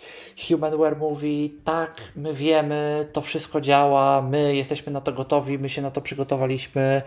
Y, Google jest na tyle szeroko wykorzystywany, że my absolutnie nie wyobrażamy sobie, żebyśmy mogli tego nie zrobić. Yy, mówią, że mają informacje, że Microsoft też teraz planuje takie zmiany i że oni już pracują nad tym, żeby to było wprowadzone, żeby yy, oni byli z tym kompatybilni i że już w tej następnej wersji, która teraz wyjdzie, oni będą mieli yy, kompatybilność z tym nowym standardem Microsoftu. Więc to też warto wiedzieć. Też wspomniano a propos APH, a propos, a propos yy, różnic między Chameleonem, Mantisem a Humanware'em, że są jakieś kontrakty Humanware'a z APH, y, które po pierwsze ograniczają, co Humanware może, po drugie wymagają, żeby Humanware wprowadził jakieś funkcjonalności, których nie za bardzo by chciał na Brilliantach, więc na razie te urządzenia są bardzo podobne, ale w przyszłości one się zaczną znacznie różnić, bo Humanware będzie wprowadzał na jednym urządzeniu to, a na drugim urządzeniu zupełnie coś innego na przykład, Y, więc to już Humanware od razu zapowiada, że, no, że oczekujmy różnic w pewnym momencie. Mm, W ogóle cała sesja z godziny zrobiła się dwoma godzinami, bo ludzie mieli tyle, tyle pytań dla Humanware'a. Yy, Co jeszcze? Pytałem, no skoro urządzenie bazuje na Linuxie, skoro ma tyle funkcjonalności, czy oni przewidują wsparcie dla deweloperów zewnętrznych? Yy, Humanware powiedział, że na razie nie przewidują, yy, że oni nie chcą czegoś takiego, że jakaś aplikacja, ktoś, która, którą ktoś napisze, która będzie źle działać, albo coś ucegli, albo no, pozwoli na robienie rzeczy, których teoretycznie użytkownik nie powinien mieć prawa robić, bo to jest szkolne urządzenie. I po drugie, oni chcą, żeby to wszystko działało tak samo dobrze we wszystkich językach. i oni jak wydają aktualizację, to dbają o to, żeby na przykład lokalizacja była zrobiona, więc y, oni y, nie chcą za bardzo tworzyć zewnętrznych aplikacji, pozwalać tworzyć zewnętrznych aplikacji, bo nie wiadomo jak tam by wyglądało z lokalizacją, z tłumaczeniami i oni nie chcą mieć tak pofragmentowanego ekosystemu. No i to chyba jeżeli chodzi o Humanware'a tyle. O schowku wspominałeś, y, Mikołaju, zdaje się, tak? Tu mam y, jeszcze tak. w notatkach. Tak, to E, wspominałeś. Tak, tak, o- schowek, o schowek terminala, nowa funkcja w Brilliantach, Bixach, yy, wchodzi w y, jeszcze nie tej wersji, co będzie teraz, ale w kolejnej, czyli no zakładamy 1.3, yy, będzie możliwość skopiowania sobie zawartości pliku i wysłania go do dowolnego pola tekstowego w drugim urządzeniu, w urządzeniu, do którego my jesteśmy podłączeni i vice versa. Czyli na przykład mamy sobie- jakieś notatki w Tak. notatniku i możemy je bardzo łatwo przesłać na komputer, do którego, czy na, Na smartfon, komputer, no, do na którego smartfon, jesteśmy podpięci. A to się może czasem przydać, naprawdę. To jest fajna, Mhm. to jest fajna rzecz i dobrze, że coś takiego wprowadzają. Tak. No to teraz co? Amazon. Amazon, Amazon. Yy, Amazon zachęcał do brania udziału w researchu. Yy, podaje adres nfb-participate małpa amazon.com. Yy, oni chcą, żeby ludzie tam wysyłali maila i będą brać pod uwagę no, te osoby, jeżeli będą szukać osób do badań związanych z dostępnością Amazona. Pytałem, czy ludzie spoza Stanów mogą. Mogą. Amazon oficjalnie twierdzi, mogą. Yy, w ogóle osoby niewidome tam pracują, sporo ich tam jest. Nawet się też wypowiadały. Sporo osób, które tam robiły te prezentacje, to były w ogóle osoby niewidome. Amazon też mówi, że nie tylko robimy dla niewidomych, ale też przez niewidomych i że najlepiej dla osób niewidomych to zrobią osoby niewidome i tak dalej. Yy, pytałem, jak się ma kwestia z dostępnością AWS-a, czyli tej chmury amazonowej, bo tam jest, wiem, że duże problemy. Amazon mówi, że bardzo dużo yy, jest teraz poszukiwanych osób właśnie w, w wydziale, zajmującym się AWS-em, y, jeżeli chodzi o dostępność. Że już powoli się zaczyna tworzyć team y, odpowiedzialny tam za dostępność, a tych osób będzie więcej, y, czyli mamy się spodziewać, że tam no, duże poprawki y, w najbliższym czasie. To znaczy, Więc- bo to chyba y, generalnie problem z Amazonem i z ich chmurą jest taki, że Mhm. oczywiście to jest dostępne, tylko że wymaga to od nas y, tylko pracy przez narzędzie command line'owe. A sporo różnych też rzeczy można zrobić y, z tych interfejsów webowych. co, tak, tak, też i oni właśnie mówią, że oni będą jakby cisnąć na linię poleceń, że linia poleceń jest bardzo często prostszym i szybszym interfejsem dla dostępności, więc oni będą też na przykład postulować, że jeżeli czegoś się nie da zrobić przez linię poleceń, to żeby się dało, ale są, jest kilka rzeczy, które trzeba zrobić przez stronę internetową i tam są na przykład capcze. I te capcze bardzo często nie mają audio ekwiwalentu. Tak, to są, to są audio. zazwyczaj takie rzeczy. Przesuń puzzle, a nie rozpoznaj capcze. Tak, ale Więc takie tutaj- Mhm. rzeczy z kapczą, które są, to są zazwyczaj takie rzeczy administracyjne, czyli na przykład Mhm. chcemy tam, no nie wiem, utworzyć, Utworzyć jakieś y, aplikację. zasoby, Mhm, jakąś aplikację, przypisać jakieś różnego Tak, tak, rodzaju tak. zasoby dla użytkownika, dodać tych użytkowników, dajmy na to, że nie jesteśmy Mhm. programistą, ale powiedzmy administratorem i naszą rolą jest przypisywanie użytkowników. Tego typu rzeczy y, są często dostępne tylko z webu i one wymagają jeszcze dodatkowego mm, potwierdzenia w postaci tej kapczy. Tak, i to jest bardzo duży problem, bo jeżeli osoba niewidoma jest na przykład jedynym pracownikiem zajmującym się tam chmurą, no to niestety jest problem. Yy, No ale będzie team, już się zaczyna tworzyć w kwestii dostępności, więc liczmy na to, że coś się w tej kwestii poprawi. Yy, Było wspomniane o tym, że dużo się dzieje w kwestii dostępności.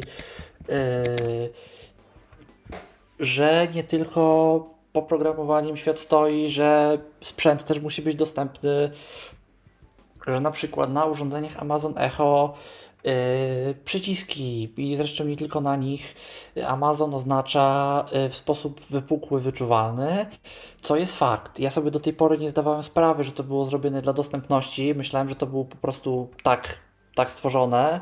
Ja mam, no, urząd mam urządzenie z Alexą, posiadam, więc jakby wiem, wiem jak to wygląda. Y, ale Amazon teraz powiedział, nie, to jest robione dla dostępności. My chcemy, żeby osoby niewidome mogły prosto rozpoznać, który przycisk jest od czego. No, szanuje się. To trzeba przyznać, fajnie, że się robi takie rzeczy. Yy, no, mówi się o tym właśnie, że nowe echa, że echo show, że ta funkcja show and tell, czyli pokazywanie produktu do kamery i rozpoznawanie produktu po obrazku. Fajna rzecz, jeżeli to działa, tylko że to działa na razie tylko w Stanach bo to nie rozpoznaje po kodzie kreskowym, nie rozpoznaje po OCR-ze, tylko rozpoznaje ewidentnie po zdjęciu. Oni mają bazę ogromną, iluś tam tysięcy najpopularniejszych produktów w Stanach i po prostu on umie rozpoznać po puszce, co to jest, jaki smak, ile gramów na przykład. Hmm, oczywiście Voice View, Screen Reader, yy, oczywiście to, to, to wszystko jest. Yy, nowy tablet, jakiś dziesiątka, Fire HD 10-calowy, oczywiście wszystko z Voice View, z Braille Screen Input, z wejściem ekranem Braille, wejście ekranu Braille'a. W ogóle bardzo tanie te tablety Amazona. Szkoda, że u nas ich jakoś nie ma bardziej, bo to biorąc pod uwagę co one potrafią, yy, to te ceny są naprawdę, naprawdę przystępne. Mm, smart TV się teraz pojawiają nowe telewizory i to już nie przystawki, tylko telewizory, które są marketowane jako Smart TV, pod yy, Fire TV, przepraszam, Amazona pod marką Fire TV, yy, na których to telewizorach są y, oprogramowanie, Amaz- oprogramowanie Amazona w pełni, y, Toshiba, Insignia y, i jeszcze jakaś firma, zaraz tutaj. Toshiba i Insignia, tak. Y, wszystko oczywiście jest screen readerem, wszystko ma voice view, wszystko jest dostępne. Nie wiemy, czy i na ile voice view umie język polski. Pytałem, y, czy da się zmienić język, jak to wygląda. Oni sami nie wiedzą. Y, no, telewizor wiadomo, całe tam EPG, przewodnik po programach, zmiana kanału, wszystko jest dostępne. Oczywiście treści, aplikacje, to to wszystko możemy instalować na przystawkach Amazona, dostępne jest również. Yy... A, tutaj jeszcze mam taką jedną notatkę, mi się przytrafiła. Yy, był na przykład wykład yy, podczas tej konferencji yy, wirtualne zwiedzanie Centrum Lotów Kosmicznych. Przy udziale oddziału NFB w jednym ze stanów było coś takiego. No co tam jeszcze jest? Y, Fire TV, nowe funkcjonalności, szybka zmiana parametrów mowy, yy, przytrzymujemy klawisz play pauza i sobie strzałkami możemy yy, poruszać się po parametrach, lewo, prawo, prędkość, głośność i tak dalej, góra, dół sobie możemy je zmieniać. Y, no, czyli sobie możemy po prostu szybko, szybko zmienić parametry głosu bez wchodzenia w ustawienia. To, co Mikołaju ja przeglądam, to y, te notatki, bo ja też mam je pod ręką, y, które przygotowałeś na dzisiejszą audycję i powiem szczerze, jestem naprawdę pod sporym wrażeniem tego, jak Amazon podchodzi i pewnie zaraz o tym będziesz mówić, do, kwestii audiodeskrypcji. Tak. Tak, będę o tym mówić, będę o tym mówić, tak, bo ja tutaj sporządziłem tych notatek sporo i po prostu y, na tym się, na tym się głównie wzoruję. Y, ale jeszcze wracając do Fire TV, Fire TV do samochodów trafia i to jest Fire ciekawe, TV to jest co? To jest telewizor, to tak? Jest, Czy to jest system co to właściwie jest? Amazona do telewizora. Yy, zaczęło się od przystawek yy, takich wtykanych w port HDMI. Yy, teraz jest Fire Cube, czyli taka większa przystawka z lepszymi bebechami w środku, więcej RAMu, lepszy procesor. Y, teraz są te telewizory, które mają jakby w sobie już wbudowane Fire TV od Toshiba i od Insigni, od Insigni, no czyli zamiast jakiegoś własnego wbudowanego interfejsu Smart TV i y, do tego podłączonej przystawki, to jest po prostu no, Fire TV w telewizorze i po prostu to jest to jest ten interfejs, y, tym się posługujemy. Mamy oczywiście, jak w każdym telewizorze, kanały, ale możemy też korzystać z wszystkiego, co oferuje nam Fire TV, czyli no z, treści, z treści Amazona i tak dalej. Teraz cały ten system trafia do samochodów y, i to co ciekawe, y, na tylnych siedzeniach, właściwie w, w tyle przednich siedzeń, y, w kilku samochodach, kilku marek y, będą, wbudowy, będą wbudowane ekrany, y, które to ekrany pozwolą pasażerom z tyłu oglądać sobie Fire TV i oglądać sobie telewizję podczas jazdy. To będzie pierwszy oparty na dotyku interfejs Fire TV. Te do tej pory były oparte na pilotach, ale Amazon od razu mówi, będzie w nim screen reader, wszystko jest gotowe, wszystko jest zrobione. My zrobiliśmy tak, żeby było ok. Yy, co jeszcze?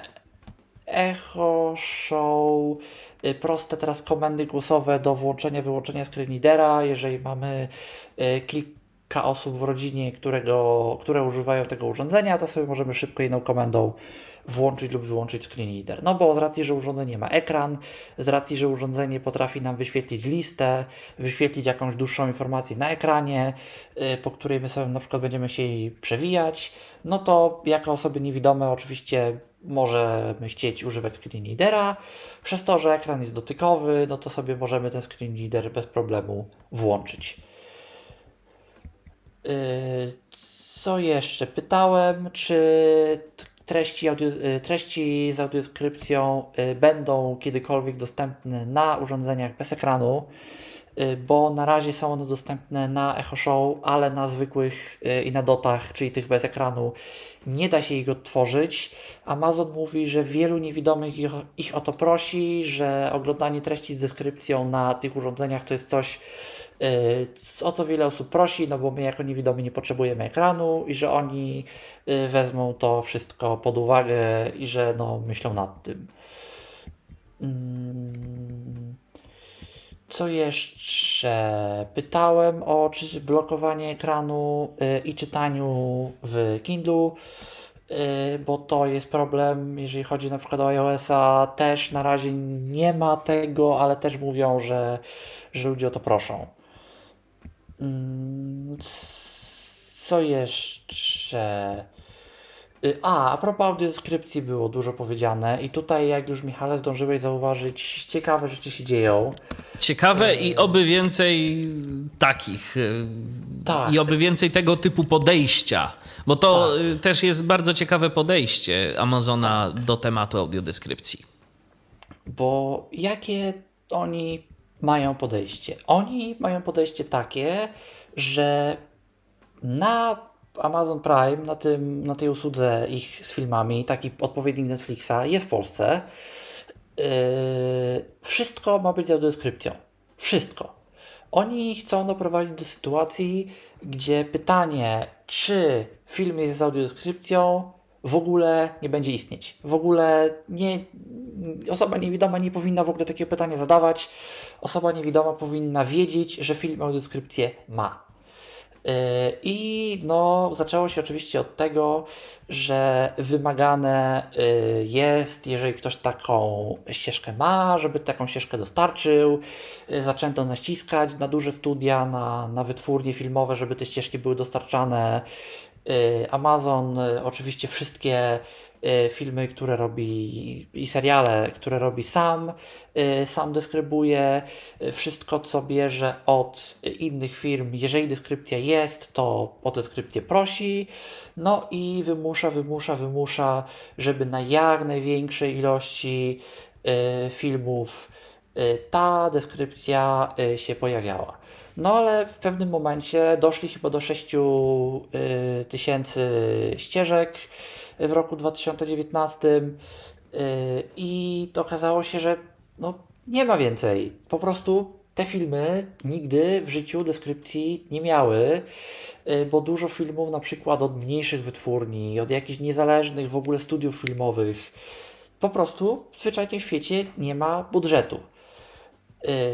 No i wpadli na nowy pomysł stworzenie audiodeskrypcji za pomocą syntezy mowy. Bo tak, audiodeskrypcja do tej pory y, wymaga bodajże 6 osób. Bo to trzeba napisać, nagrać, zmontować, zrealizować, zmiksować z filmem i jeszcze korektę zrobić. Ktoś to musi potem przejrzeć, czy nie ma błędów. Jeżeli jest błąd, to cały proces jedziemy od nowa, bo nowo trzeba, trzeba to po prostu wszystko na nowo zrobić. Yy, ogromne koszty, długo to bardzo zajmuje, kupę ludzi jest potrzebnych, bardzo długotrwały proces, kilka tygodni potrafi to zająć.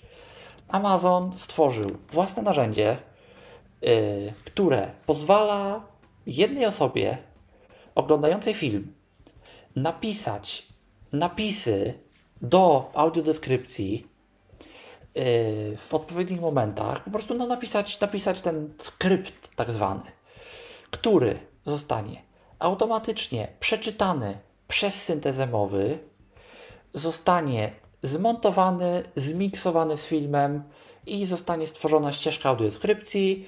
Potem ewentualnie ktoś tylko na to zerknie, zweryfikuje, czy jest dobrze. Jeżeli jest błąd, to on jest w stanie to sam poprawić Y, i tylko od razu klika, że jest OK i ścieżka deskrypcji trafia od razu y, na Amazona, można z niej korzystać. Tak, bo to wszystko generuje synteza, więc y, Synteza, dla syntezy tak. żaden problem przeczytać nawet i 100 razy jakieś tam fragmenty, czy to samo, żeby Dokładnie. było to wszystko popoprawiane. No i dzięki temu możemy naprawdę zdecydowanie więcej filmów y, czy seriali zrobić. Też y, tu widzę, są podane właśnie takie przykłady seriali, które są bardzo długie, które mają wiele, wiele, wiele odcinków. odcinków. Tak. tak. I no, kto będzie robił deskrypcję subskrypcje y, takich seriali na zasadzie lektor, studio i tak dalej, i tak dalej. Oczywiście to jest wiadomo, no, ktoś powie, kto jest przyzwyczajony do tego,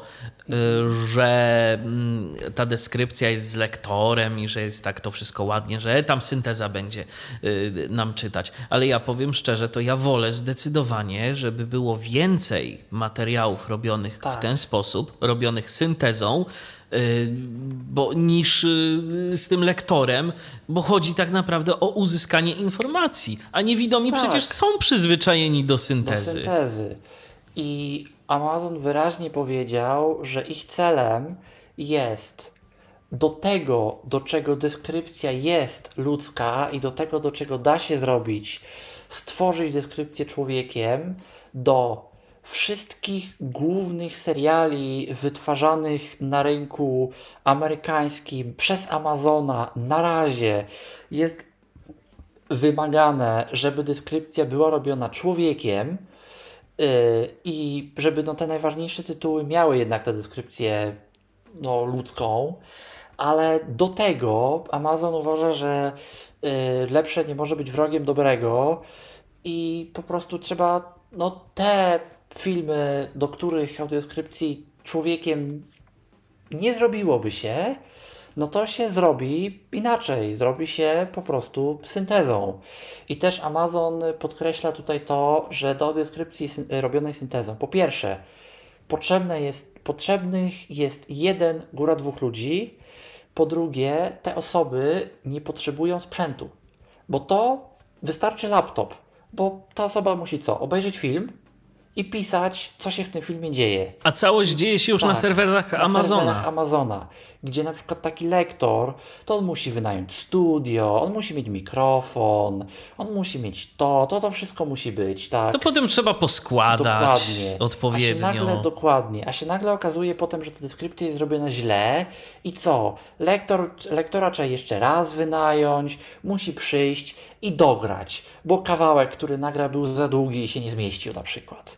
Y, Gdzie z syntezą, y, to oni też, i to oni właśnie też podkreślają, że deskrypcja robiona syntezą jest cały czas udoskonalana.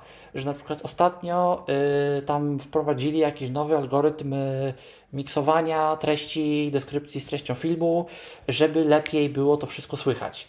No to co? No to oni mogą wziąć wszystkie aktualnie dostępne ścieżki deskrypcji do wszystkich aktualnie dostępnych starych filmów, które były robione syntezą, y, bo oni to oczywiście te skrypty, z których ta synteza czytała, to nadal mają i one są na tym serwerze.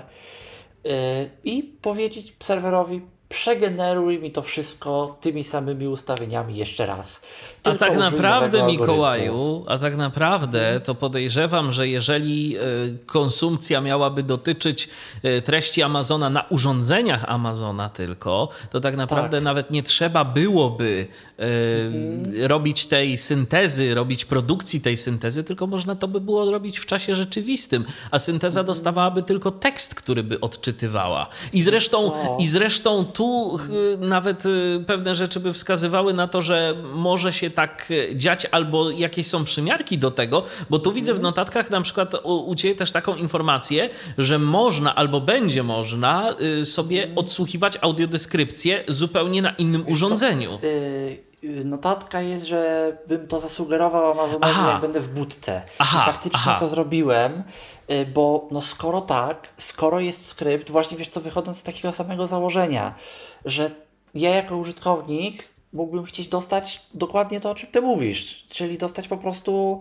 y, tekst i nie wiem, żebym ja sobie to własną syntezą, własną głośnością, własną prędkością, własnymi, wiesz, zrobił. I na zasadzie takiej, że oglądamy, tak. sobie, y, oglądamy sobie z kimś y, jakiś tam Film, powiedzmy film czy dokładnie. serial. Jest y, ta druga osoba osobą widzącą albo kilka osób widzących, a my jesteśmy jedni niewidomi, no to zakładamy sobie jakieś tam słuchawki z przewodnictwem kostnym. Dajmy na to, żeby nie tracić tego odbioru y, Dokładnie. materiału i nam na słuchawkach tylko y, leci ta dodatkowa ścieżka i nie rozprasza pozostałych.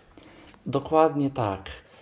Yy, I co jeszcze? Co ja chciałem jeszcze tutaj yy, powiedzieć a propos audiodeskrypcji? A, że no ja miałem ostatnio też okazję yy, bawić się trochę więcej głosami neuronowymi AWS-u, które są fajne. To trzeba przyznać, że one są w miarę, w miarę sensowne.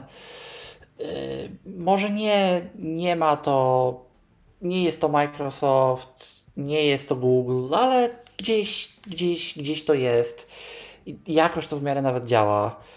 Yy, I no, to, to jest też fakt, że jeżeli te głosy będą na przykład poprawiane i o tym Amazon mówił, to oni będą te ścieżki po prostu regenerować. Jeżeli oni uznają, że jest jakiś nowy głos, który brzmi lepiej i super i w ogóle cudowny, a w pewnym momencie to kto wie, czy oni na przykład w ogóle nie zrobią jakiegoś głosu do audiodeskrypcji, bo przecież dlaczego by nie, Yy, no to oni po prostu mogą wziąć wszystkie te filmy i jedną komendą tak naprawdę zrobić tak, żeby system to wszystko przegenerował na nowo. Yy, więc, więc, więc to jest, to jest fakt. Mówię o tym, że audiodeskrypcja prawdziwa, ludzka jest po prostu dla wielu studiów filmowych zbyt droga i że Amazon chce ostatecznie po prostu brać wszystkie filmy, jakie tylko trafią na ich serwis i tam, gdzie studio samo nie było w stanie, to oni zrobią chociaż syntezą, bo to jedna, dwie osoby dadzą radę. A wziąwszy pod uwagę, że synteza y, Amazona to jest przecież nasza y, rodzima Iwona, Iwona, tak, w Gdańsku i jest rozwijana. tak, i jest tam język polski, to po prostu tylko życzyć sobie, żeby oni jakoś mocniej weszli na nasz rynek, bo to Tak. będzie naprawdę z dużą korzyścią dla nas. Dla nas. Dokładnie. Yy, No właśnie, mają proste wewnętrzne narzędzie, bardzo proste do użycia. Yy, To jest oczywiście wszystko na razie eksperyment. Oni wiedzą, że tu są błędy, że to nie działa, że dużo rzeczy jeszcze yy, nie do końca jest takie, jakie być powinny, yy, że dużo rzeczy ma jeszcze błędy. Zresztą dzisiaj mi się taki tweet trafił, przez Twittera mi gdzieś przeszedł. w którymś serialu Amazo- w którymś seriali właśnie Amazona w napisach końcowych Chris Pence stał się Chrisem Pensylwanią, bo oczywiście synteza rozwija skróty. Więc no takie rzeczy widzimy. Takie rzeczy widzimy i takie rzeczy są, ale no tutaj też właśnie Amazon mówi zgłaszajcie, bo jak zgłosicie coś w takiej deskrypcji, to my poprawimy literówkę i przege- przegenerujemy, a jak zgłosicie coś w normalnej deskrypcji, To będziecie powiemy czekać, aż lektor będzie ręce. miał czas, żeby to Dokładnie. poprawić. Jeżeli i... lektor jeszcze żyje. Tak, bo to na też różnie może być. być. takie oczywiste. Oczywiście. Y, Albo może nie chcieć współpracować, zajmować się zupełnie czymś innym. No Albo to jest- budżetu nie ma na to. Dokładnie, kupa kasy. Y, A to, to prze, przegenerowanie to dla takiego Amazona to jest nic. No to żeby nie było. Yy, co jeszcze? A. Yy, co jeszcze? Yy, obecnie 6000 ścieżek z deskrypcją w Amazonie. Yy, powiedziano, na koniec roku to podwoimy. Do końca roku następnych 6000 ścieżek. Super. To jest coś. To, jest coś. To jest coś. Yy, a celem jest, żeby cały katalog w końcu opisać. Yy, no wszystkie główne tytuły z deskrypcją robioną przez ludzi, cała reszta z deskrypcją robioną przez yy, nie ludzi, przez, przez syntezę. Yy, ale Bo jak też Amazon Mikołaju, jak rozumiem, ta oferta Amazona, która jest dostępna w Polsce, ta oferta y, wideo, to tam y, nawet polskich napisów chyba na chwilę obecną nie mamy, co? Wiesz, to nie, coś chyba je, nie, nie, nie, nie, coś chyba jest, właśnie, właśnie napisy chyba są, yy, właśnie, właśnie już, już chyba się powoli one zaczynają, nie, nie, nie wszędzie, ale bo, bo właśnie, yy, wiesz co, tak, są na pewno, bo mi to właśnie ktoś ostatnio z rodziny mówił, że że coś oglądali z Amazona i, i właśnie najprościej im było zasubskrybować się do 300-dniowej wersji, yy, bo, bo tak im było najprościej polskie napisy właśnie znaleźć. Yy, ale, Rozumiem. ale, ale to jest. Też Amazon coś wspominał, że oni chcą te ścieżki audiodeskrypcyjne, które zrobią, skoro już je raz zrobili, rozdawać wszystkim, którzy by te ścieżki chcieli, a mają prawa licencyjne do danego programu. Czyli na przykład, jeżeli jakaś telewizja chciałaby to puścić, to oni chcą i są chętni im te audiodeskrypcje zwyczajnie w świecie dać. Yy, więc, to, więc to też jest fajne. Podejrzewam, że nie jedna organizacja może skorzystać, bo taniej, a przez to tej deskrypcji też będzie więcej. Yy, W Kindlu się też yy, trochę rzeczy dzieje, tak a propos Amazona. Yy, To bardziej jeżeli chodzi o kwestie, o kwestie osób słabowidzących, czcionki, nieczcionki, yy, tematy, motywy czcionek się pojawiły. To bardziej, bardzo się przyda osobom, które mają na przykład jakieś konkretne schorzenie wzroku, które utrudnia czytanie na przykład w nocy. I one by chciały, żeby w nocy konkretnie był taki i taki motyw, takie i takie ustawienia powiększenia czcionki, kontrastu, typu w ogóle kroju czcionki i tak dalej, i tak dalej. Yy, Bo są osoby, które, które mają taką potrzebę, to teraz w Kindle będą mogły sobie stworzyć profile i w tych profilach y, będą sobie mogły y, no, takie ustawienia gdzieś tam y, wprowadzić i się tylko szybko przełączyć z profilu na profil y, bez konieczności za każdym razem y, ustawienia wszystkiego od nowa. Y, W słownikach, jak sobie chcemy sprawdzić, jak, jak dane słowo co dane słowo oznacza. Pojawiło się, pojawiła się również możliwość odsłuchania, jak dane słowo się wymawia poprawnie. To też gdzieś tam fajna rzecz. Yy, Paczkomaty Amazona, których w Polsce nie ma, dostały dostępność w ciekawy sposób. Dostały port yy, słuchawek, yy, po prostu, który sobie wsuwamy, w który sobie wsuwamy jacka, wtyczkę i po wsunięciu wtyczki w tenże port dostajemy normalnie dostępny interfejs. Mamy też opcję wybrania niższej szafki, niższego no, miejsca, do której, z którego będziemy brać naszą paczkę y, podczas zamawiania, jeżeli jesteśmy osobami niskimi, y, żeby, żeby mieć jakąś dostępność. Y, pojawił się już zapowiadany w zeszłym roku Accessibility Hub, czyli strona z wszelkimi informacjami o dostępności produktów z Alexą. Więc jest coś takiego, można sobie tam zajrzeć. No więc to tyle, jeżeli chodzi o Amazona. To kolejna firma na literkę A. Eira tym razem. Tak, czyli Aira, o której niestety bardzo niewiele mogę powiedzieć. Nie byłem na sesji, to fakt, y, ale z tego co wiem, to tam na tej sesji też y, nic wielkiego nie było, bo zapytałem ludzi, którzy, którzy się na tej sesji pojawili. I szczerze, byłem w budce Airy chyba z cztery razy, żeby z nimi cokolwiek porozmawiać. I mam tu nawet wypisane, o co jej chciałem zapytać. I niestety za każdym razem Aira miała w budce jakiś event.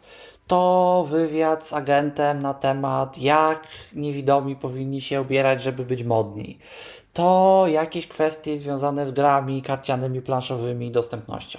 Zawsze coś było i tak naprawdę nie było za bardzo okazji, albo ja osobiście nie trafiłem na okazję, żeby porozmawiać z kimś z Airy i zadać im pytania.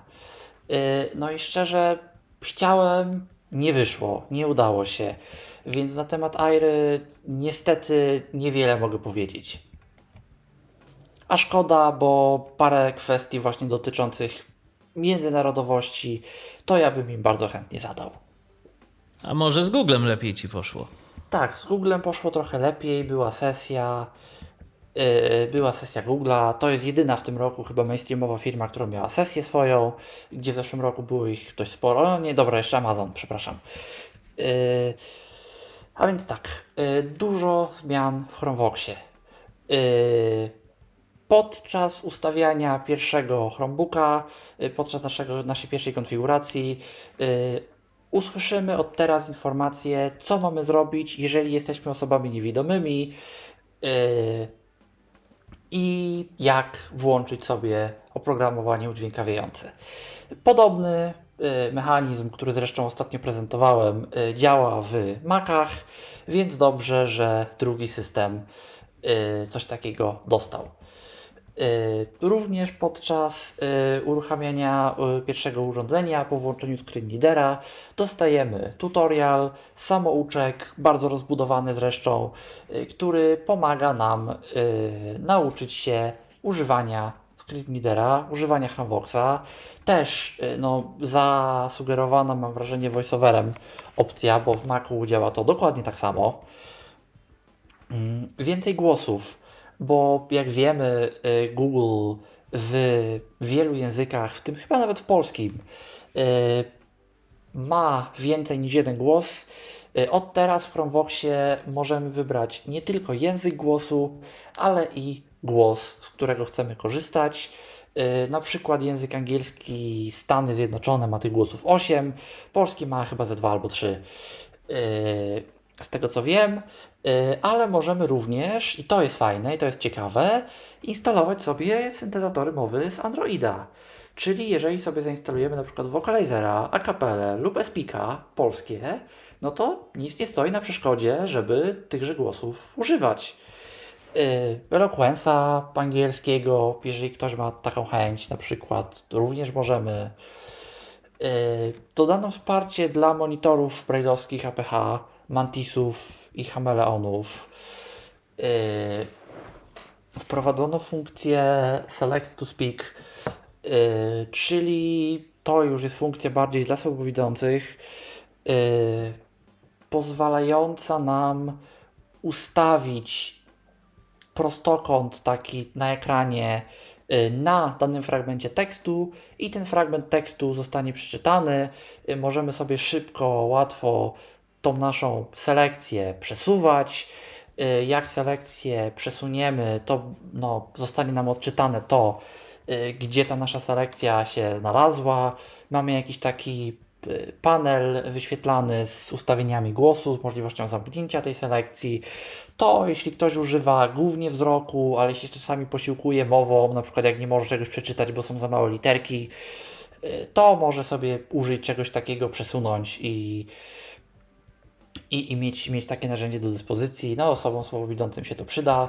F7 w Chromie poprawiono, czyli tą taką nawigację kursorem, y, coś czego my na Windowsie nie używamy, bo y, nam to screen readery robią to za nas, ale na przykład na Macu, ze względu na trochę inną specyfikę Maca, y, niektórzy ludzie to robią, niektórzy ludzie to lubią i, i używają właśnie takiego trybu podróżowania sobie po stronach.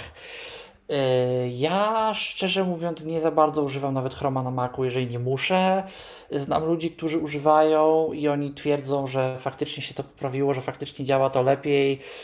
Nie pomija na przykład niektórych fragmentów, tak jak miało to kiedyś w zwyczaju, że więc, więc, więc dobrze, że, że takie poprawki gdzieś tam są. Pięć nowych języków dla opisów obrazków, o których się mówiło w zeszłym roku. Yy, francuski, hiszpański, niemiecki, włoski i hindi. Yy, już wykrywa teraz, jeżeli tekst yy, alternatywny dla obrazka nie jest zbyt użyteczny i wymusza wtedy własny, własny opis. No na przykład, jeżeli obrazek nazywa się image.jpg, no to niewiele nam to daje, to wtedy Google po prostu wymusza, wymusza swój. Y, działa to teraz również na Androidzie, y, zarówno przez Wi-Fi, jak i przez y, Wi-Fi i sieć komórkową. To jest opcja dla nas do wyboru, czy my chcemy przez sieć komórkową takie obrazki do Google wysyłać, no bo to oczywiście zużywa też więcej transferu. Mm, widziałem te opisy, nie jest to jakoś Apple'a, ale po Facebook jest zdecydowanie, zdecydowanie gorszy na przykład. Co jeszcze? Y, Chrome dostaje, i to jest ciekawe, automatyczne wykrywanie języków. Nawet jeżeli twórca źle ustawił język strony, Chrome będzie to teraz korygował, nawet na podstawie fragmentów stron. Czyli jeżeli jakaś strona y, na przykład jest po angielsku, z fragmentem po hiszpańsku, taki był przykład pokazany, no to to się nam wszystko ładnie y, powinno rozpoznać, co jest co. Yy, myślę, że fajna rzecz. Myślę, że może będzie się dało ponownie zaznaczyć pole wyboru yy, rozpoznawaj języki yy, w naszym screenreaderze, jeżeli to faktycznie będzie dobrze działało, bo no, no przydałoby się coś takiego. Nie powiem, że nie. A niestety w związku z tym, że no, część osób zapomina tak. o deklaracji języka, nie mówiąc już o deklaracji fragmentu, bo jeszcze zadeklarować e, język strony, to, tak. no, to, to, to, to jeszcze systemy jeszcze CMS bardzo często e, nam to załatwiają, ale o deklaracji fragmentów e, tekstu napisanych tak. w obcych językach, no. Ja widziałem o, jedną instytucję, która to robi. Konsystentnie to robi. Ja chyba, nas... Hmm? ja chyba nigdzie nie widziałem, że. A nie, a to u nas na uczelni się robi. A to u nas na uczelni się robi. O, no to super. U nas dokumenty, które są adaptowane, ja widziałem parę razy, były fragmenty y, oznaczone lang n, y, które były angielskie. Ja to widziałem. Y, nie wiem, czy robi się to wszędzie, bo ja mam to szczerze mówiąc wyłączone w screenreaderze, ale miałem okazję raz akurat się spotkać z dokumentem, y, którego czytałem na iPhone'ie i tak, to jest jedyna instytucja, którą ja widziałem, która poprawnie czegoś takiego używa.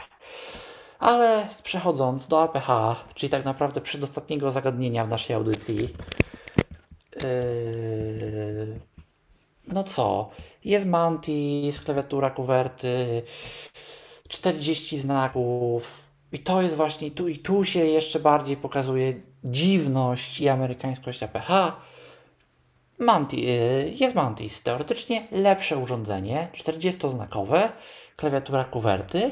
Chameleon, teoretycznie urządzenie gorsze, 20-znakowe, klawiatura brailleowska. Gdzie w przypadku Humanware'a urządzenie teoretycznie gorsze i 20-znakowe faktycznie miało y, mniej y, funkcji, o tyle w przypadku APH audio jest, uwaga, tylko w urządzeniu 20-znakowym. Nie rozumiem. Nie ja rozumiem. nie rozumiem. Mówią, że jest jakaś szansa, że ono w 40-znakowym będzie, czyli no zakładamy, że jakiś głośniczek tam jest, ale oni jeszcze w sumie sami nie wiedzą, na ile to się da w ogóle wykorzystać. Yy, APH bardzo amerykańsko-centryczne, podano, podaj, podają ceny rynkowe i ceny na tej tak zwanej kłocie, yy, czyli tym ich takim rządowym programie kupowania urządzeń dla, dla instytucji, bardzo, nawet w porównaniu do Humanware'a, bardzo amerykańsko-centryczna firma, bo Humanware, Humanware jeszcze za granicą sprzedaje, z APH jest problem. Yy, różnie to z tym bywa. Yy, na razie praktycznie to samo oprogramowanie, to się będzie różnić. Yy, tablice brailleowskie Taxberego i LibLouisa, czyli polski pewnie jest. Yy, dodano tryb Exam Mode, yy, ten, to kolejna bardzo specyficzna amerykańska funkcja. Nauczyciel może wymusić, że urządzenie działa tylko jako terminal przez określony czas, czyli tylko jako monitor brailleowski, nie jako notatnik, żeby uczeń nie ściągał, żeby uczeń nie miał dostępu do własnych notatek podczas egzaminu. Coś takiego, coś takiego jest. Yy, no też trafia wsparcie trybu jednorękiego, ewidentnie po prostu widać tu firmware i podobne, podobne podobieństwa firmware'u, ale do APH trafia teraz TTS, yy, synteza mowy i to już oficjalnie, no, do Hameleonów przynajmniej. A kapela, dużo głosów będzie do pobrania, będziemy mogli posiadać maksymalnie Y, dwa głosy jednocześnie z opcją przełączenia się między nimi. Y, trafia to do tych urządzeń tą jesienią albo wcześniej. Y, tryb edytora, edytora przy dokumentach BRF, czyli tych plikach typowo brailleowskich, dostanie możliwość no, zapisywania do BRF-ów, bo teraz tak jak Humanware, yy, tak samo i APH, wszystko zapisuje do TXT. Teraz BRF będzie drugim formatem, do którego będziemy mogli zapisywać. No bo skoro yy, mamy na przykład jakieś takie dokumenty typu nuty, typu matematyka, typu jakieś dziwne, dziwne skróty z dziwną tablicą brailleowską, która może w ogóle na przykład wspierana nie być, mm, to Y, to y, jeżeli to zapiszemy do TXT, to oczywiście cały nasz y, piękny braille zostanie zniszczony. Jeżeli zapiszemy to do BRF-a, no to dostajemy, no BRF zapisuje jakby poszczególne punkty, a nie litery. W pliku BRF nie obchodzi, co te punkty znaczą. Więc potem można jeżeli, to odtworzyć. Tak, odtworzyć i zostanie to wyświetlone w dokładnie taki sam sposób, Y, w jaki to było zapisane, co do kropki, co do punktu. Mamy pewność, że niezależnie na jakim urządzeniu to otworzymy, to będzie to po prostu tak samo działać. Y, będzie opcja quick switching, szybkiego przełączania się między tablicami, między urządzeniami, przepraszam, y, które podłączamy na Bluetooth, bo ich może być kilka, gdzie teraz to tam musimy wyjść z terminala, wejść w urządzenia, wejść w coś tam, Y, teraz po prostu będziemy mieli skrót następne urządzenie, poprzednie urządzenie. Mm, też trafia ten tryb jednoręczny, ewidentnie po prostu Humanware. Yy, biblioteka książek, bo tam jest też czytnik, aplikacja czytnika książek, dostanie sporo usprawnień. Yy, będzie można sobie foldery tworzyć, kategorie, yy, bo na razie to jest po prostu jedna wielka lista książek. Jeżeli mamy dużo książek, Y, to możemy mieć spory problem, możemy się w tym gubić, a tak po prostu będziemy sobie to mogli podzielić ładnie na, na foldery. Y, dużo mówią też, jak Humanware, że obserwują listę mailingową, że wszystko, co oni robią, to jest z listy mailingowej. Ewidentnie po prostu Humanware APH połowa prezentacji to, to samo. Y, będzie aplikacja Display dla Windowsa Y, iOS-a i Androida y, będzie pozwalała wyświetlać osobom widzącym to, co jest na monitorze brailleowskim, na ich monitorze. Y, czyli jeżeli jesteśmy na przykład albo nauczycielem, albo uczymy osobę niewidomą korzystać z Braille'a, to jest bardzo fajna rzecz. Będziemy widzieć, co ona widzi na tym monitorze. To będzie wyświetlane zarówno jako czarnodruk, jak i jako po prostu kropki brailleowskie. Będzie to oczywiście dostępne dla screenreadera, więc osoby niewidome też będą mogły z tej aplikacji korzystać, na przykład ucząc kogoś. I będzie ta aplikacja pozwalała na podłączenie, na, na podłączenie wielu urządzeń. No, założenie jest na przykład takie, że nauczyciel siedzący gdzieś tam z przodu klasy będzie w stanie monitory brajlowskie wszystkich uczniów podłączyć i w ten sposób będzie w stanie widzieć, co ci uczniowie na tych monitorach brajlowskich robią, nawet nie znając Braille'a. Będzie również w stanie aplikacja no, pokazywać wszystkie wewnętrzne menu, będzie dostęp do notatek, które są zapisane na urządzeniu. Taka po prostu no, dla osób widzących, które mają coś wspólnego z niewidomymi. No fajna sprawa, rzeczywiście. Fajna w szkolnictwie tak. może się W naprawdę szkolnictwie przydać. Może się to przydać. To taki w Polsce to najbliższe nam to chyba mm, Harpo y, miało przy okazji Mountbattenów rozwiązanie, to się Mimik nazywało. Tak. Było coś takiego. Jest Taki, nadal. taki monitorek podłączany na to specjalne wyjście y, maszyny. Tak, to nie było jakieś RS-232 przypadkiem? Y, Wiesz to- co, to chyba było coś podobnego. Nie jestem pewien, czy to dokładnie było RS-232. Zresztą no, ten Mountbatten to on później y, ewoluował Tak, i USB tam, tam nawet dostał, y, Bluetooth. tak, Bluetootha dostał i tam nawet dało się już później z poziomu telefonu tym jakoś zarządzać. Także to już rzeczywiście poszło do przodu. Także no, ale mimika, te, mimika pamiętam, by, było takie zapra- urządzenie. A propos Mountbattenów, jak już tak mówimy, nie zdajemy sobie sprawy, jakie to urządzenie ma możliwości, które są dla nas Polaków po prostu zablokowane. Yy, Bo tam była synteza mowy w środku, tam był chip yy, Double Talka, yy, jest w tych, jest w tych urządzeniach, przynajmniej w tych starszych wersjach. Tam były jakieś uczenie się Braille'a, edytor muzyki, czytnik plików tekstowych, taki, takie lekcje, które nas po prostu Braille'a uczyły.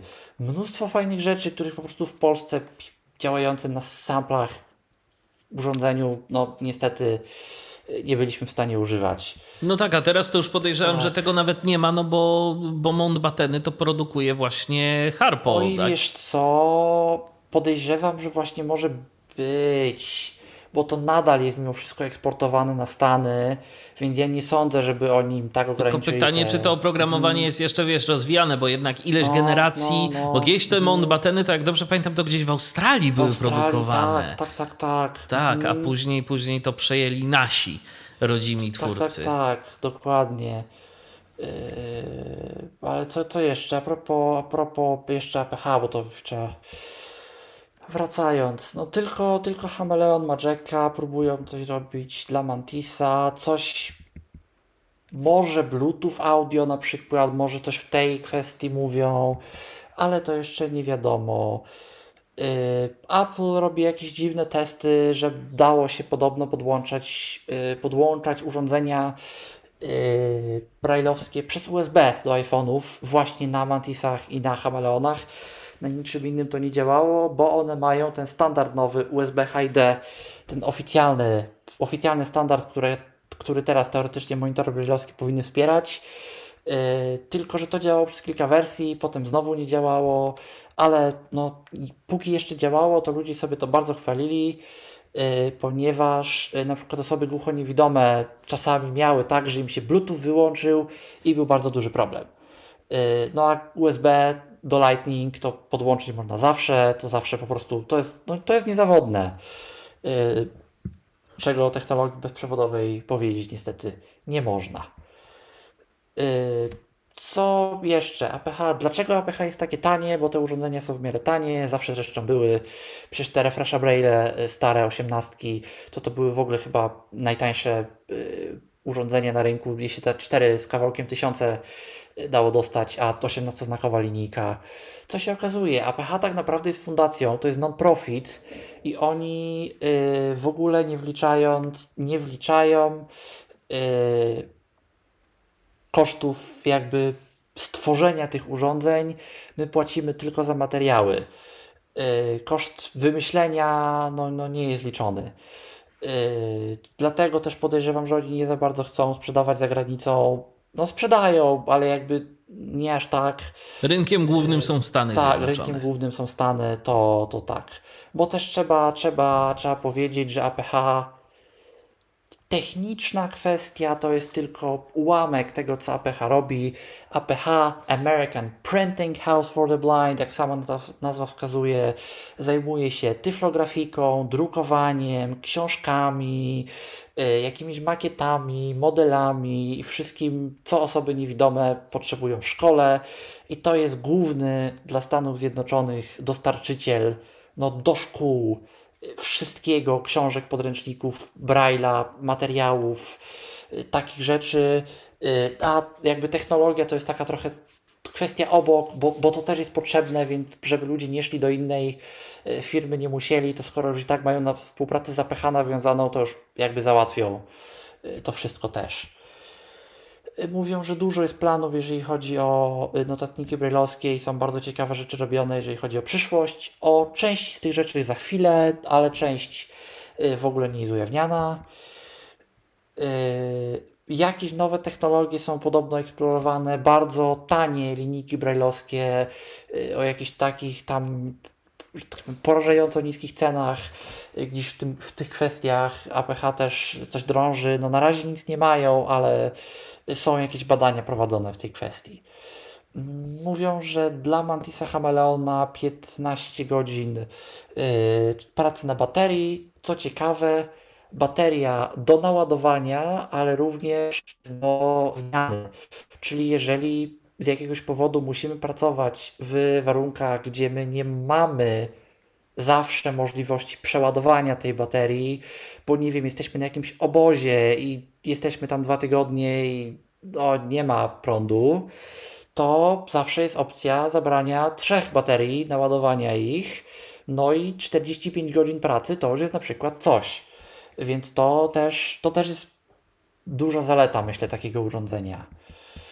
Yy, Ale co yy, APH bardzo dużego pokazało, i to jest myślę bardzo ciekawą rzeczą, wieloliniowy yy, wyświetlacz, monitor, no właśnie nie do końca brajlowski, nie tylko brajlowski, ale również służący do wyświetlania grafiki dotykowej. To jest następna, następne to, co następuje po Graffiti Orbita, do którego APH gdzieś tam też się przyłożyło, ale stwierdzili, że to nie do końca działa tak, jak oni by chcieli i teraz będzie, będzie nowe, idzie nowe. Yy, Zaczęło się generalnie od tego, że chcieli wyświetlać na yy, monitorze dotykowym, tak go nazwijmy, yy, bo no, oglądamy go dotykiem, yy, obrazki, na przykład jakiś twarz, coś takiego, żeby sobie osoby niewidome mogły no, normalnie obrazy oglądać. Yy, Potem stwierdzili, że to nie ma sensu, że zwykłe obrazki zawierają zbyt dużo szczegółów i że po prostu no, jakby nie było, to nie będzie dla osób niewidomych czytelne. Yy, jakby, jakby nie było. Yy, Więc jakby nie o to chodzi, że tak naprawdę to, czego ludzie oczekują od tego typu yy, wyświetlacza, to jest czytnik książek. Po pierwsze, cała strona na jednym ekranie. Po drugie, można wyświetlać wykresy, można wyświetlać tyflografiki. Y, Bo dużo osób narzeka na to, że produkcja książek dla ucznia długo trwa, y, bo to trzeba wysłać, bo to musi pocztą przejść, a że materiały dla niewidomych to za szybko nie idą, bo to nie priorytet, y, to to trwa, a szkoła idzie do przodu, materiał idzie do przodu. Szkoła nie chce czekać. dokładnie, jak książki nie miał, tak książki nie ma. No to APH stwierdziło, że powstanie urządzenie, będzie plik, będzie sobie niewidomy pobrać plik, kliknie w plik i będzie od razu mógł mieć do książki dostęp. Yy, Mówią, że nawet do roku może trwać produkcja książki brajlowskiej. Yy, Nie będzie to natychmiastowe, oni od razu o tym mówią. Nie ma takiej technologii, oni nie są Accessible, yy, którzy twierdzą, że jeden dokument są w stanie zamienić w dostępną formę. Yy, Transkrypcja nadal dla, dla treści matematycznych przynajmniej na razie będzie potrzebna, ale yy, no, nie będzie już trzeba tego drukować, wysyłać, bo to po prostu wszystko będzie w jednym pliku. Mm, pytałem, jak będzie dystrybucją międzynarodową tego urządzenia. Na razie nic nie wiadomo. Jest to robione we współpracy z Humanware, więc podejrzewam, że jeżeli, to właśnie przez Humanware'a. Yy, ale tak. Yy, dotykowy yy, monitor brailleowski, yy, który będzie właśnie wyświetlał braille'a i obrazki, jakieś na zasadzie jakieś właśnie wykresy, coś takiego z pobieraniem plików przez internet ze wsparciem dla internetu. Dodatkowe funkcje, o jakich się myśli, to jest edytor, porządniejszy edytor tekstu na tym urządzeniu i yy, kalkulator z wykresami, który będzie nam od razu potrafił wykres jakiejś funkcji pokazać yy, w Braille'u. Yy, to jest na razie bardzo wstępne pro, prototypy, bardzo no, wstępne projekty. Mówią, że to jest coś, czego w ogóle y, nigdy wcześniej nie było, że do tego trzeba w ogóle zaprojektować nowy format plików. Y, to będzie trudne w ogóle do zrobienia, a oni chcą to zrobić dobrze, a nie szybko, więc no koniec roku 2023 najwcześniej.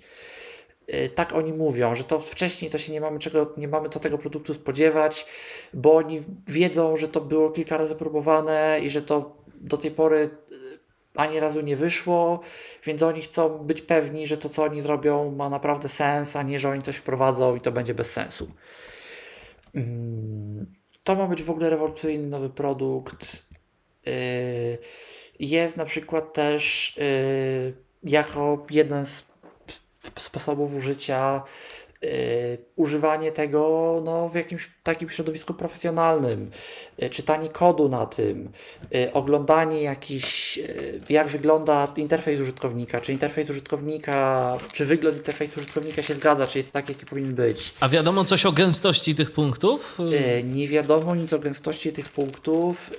Wiadomo, że jest to tak zrobione, Y, że są one w miarę równo rozmieszczone, żeby dało się na tym bez problemu y, wyświetlić obrazek, ale rozdzielczość jest y, na tyle duża i jest to na tyle, na tyle rozsądnie pomyślane, że jeżeli zostanie wyświetlony na tym tekst brailleowski, to ten tekst brailleowski będzie wyglądał prawie jak zwykły braille. I oni specjalnie mówili o tym, że oni musieli zdecydowanie zwiększyć rozdzielczość, żeby tych punktów było dostatecznie dużo, żeby Braille wyglądał po prostu naturalnie.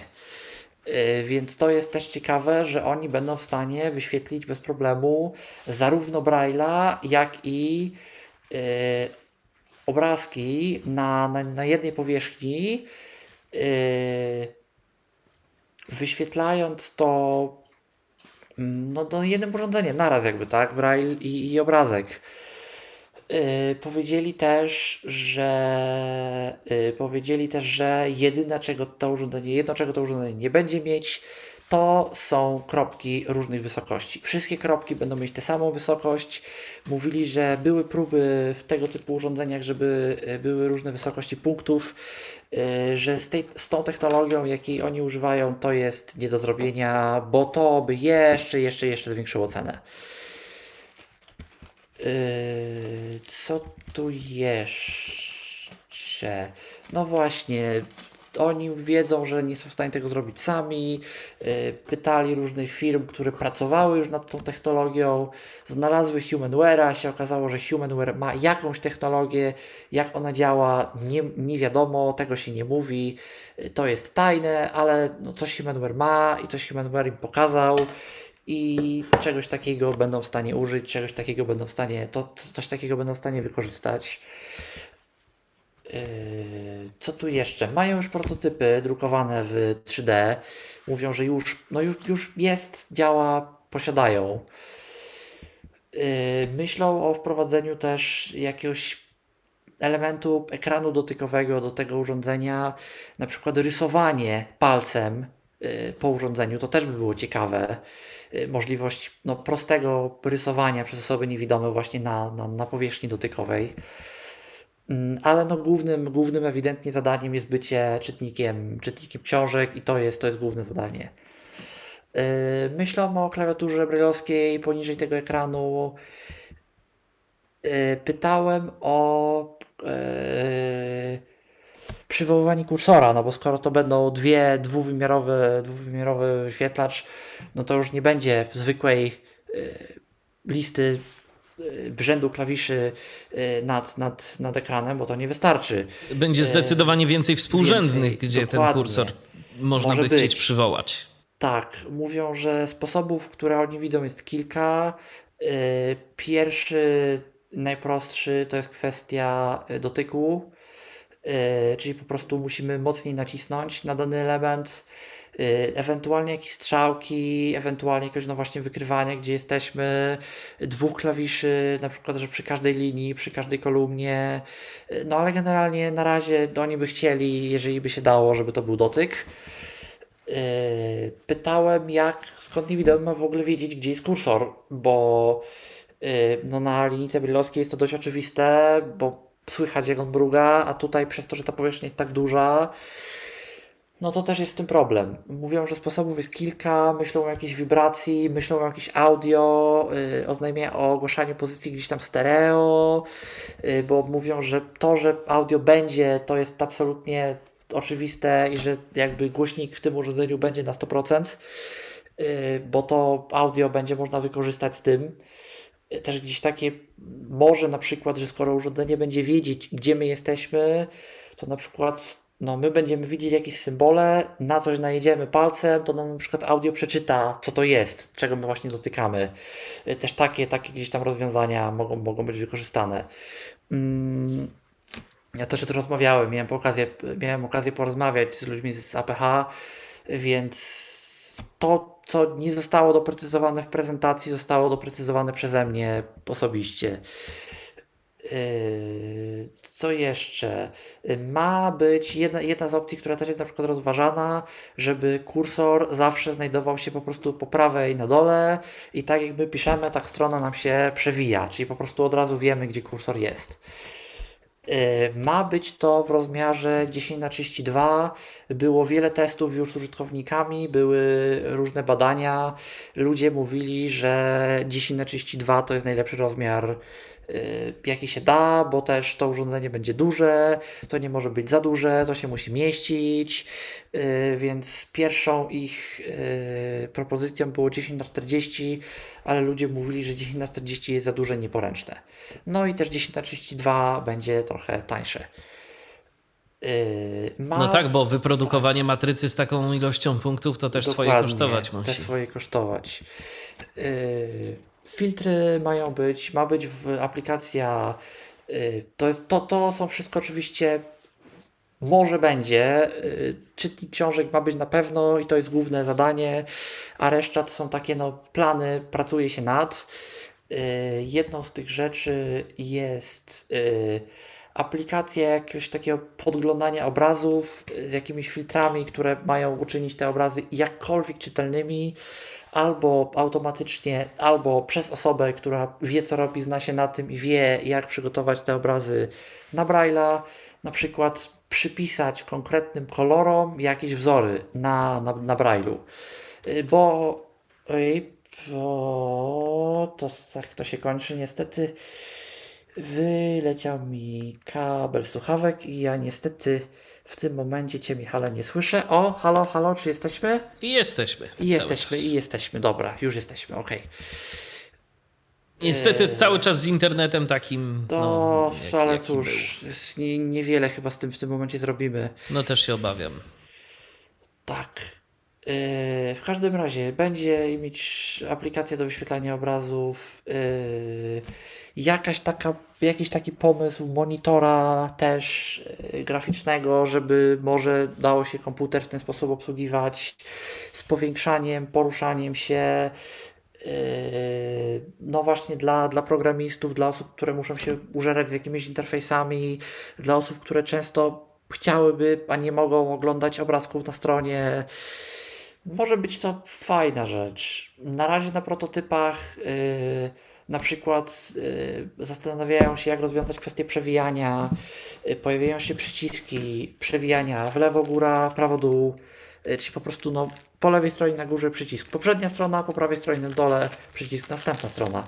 Jak kończymy czytać, to nam od razu palec praktycznie wiedzie na przycisk.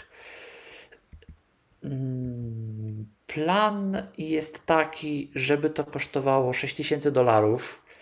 No, z jednej strony możemy powiedzieć, że nie jest to mała cena, 24 tysiące złotych. Z drugiej strony, no 300, 320-znakowy monitor brailleowski. Halo, to BrailleSense kosztuje 20 tysięcy, a ma 32 chyba znaki, a ten ma 10 razy tyle. Więc ta cena wcale nie jest taka zła, yy, zwłaszcza biorąc pod uwagę, że to jest urządzenie raczej dla szkół, raczej dla instytucji, biorąc też pod uwagę, że na tym mają być wyświetlane książki, które też kosztują, to wcale może się nie okazać Y, tak drogie y, i tak nieopłacalne, jakby się mogło wydawać.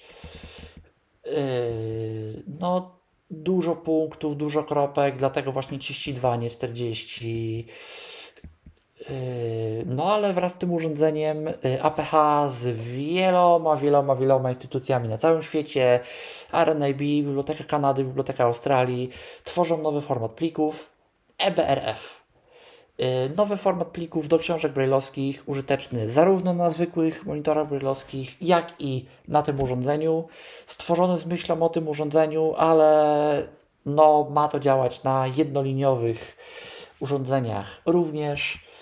Yy, różnica między EBRF-em a BRF-em będzie taka, że nie będzie to tylko tekst statyczny. O co chodzi?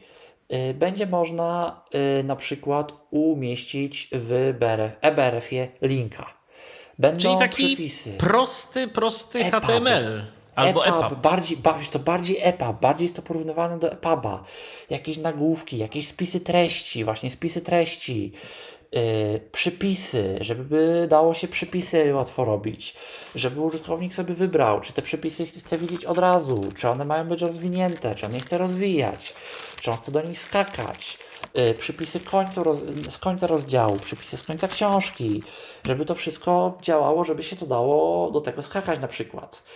Y, jakieś rozdziały, skakanie między rozdziałami, y, tabele, które mogą na przykład być zadeklarowane jako tabela i my jako, mm, jako użytkownicy Braille'a będziemy w stanie sobie wybrać, y, w jaki sposób my chcemy tę tabelę widzieć. Czy my chcemy widzieć na przykład wszystko jako listę, czy my chcemy widzieć punkt pierwszy, tam takie, takie, takie, nazwa dwukropek, cena dwukropek, ilość dwukropek. Czy my chcemy widzieć kolumny, czy my chcemy widzieć kolumny na dwie strony, bo nam się na linijce nie mieści, bo mamy taką linijkę.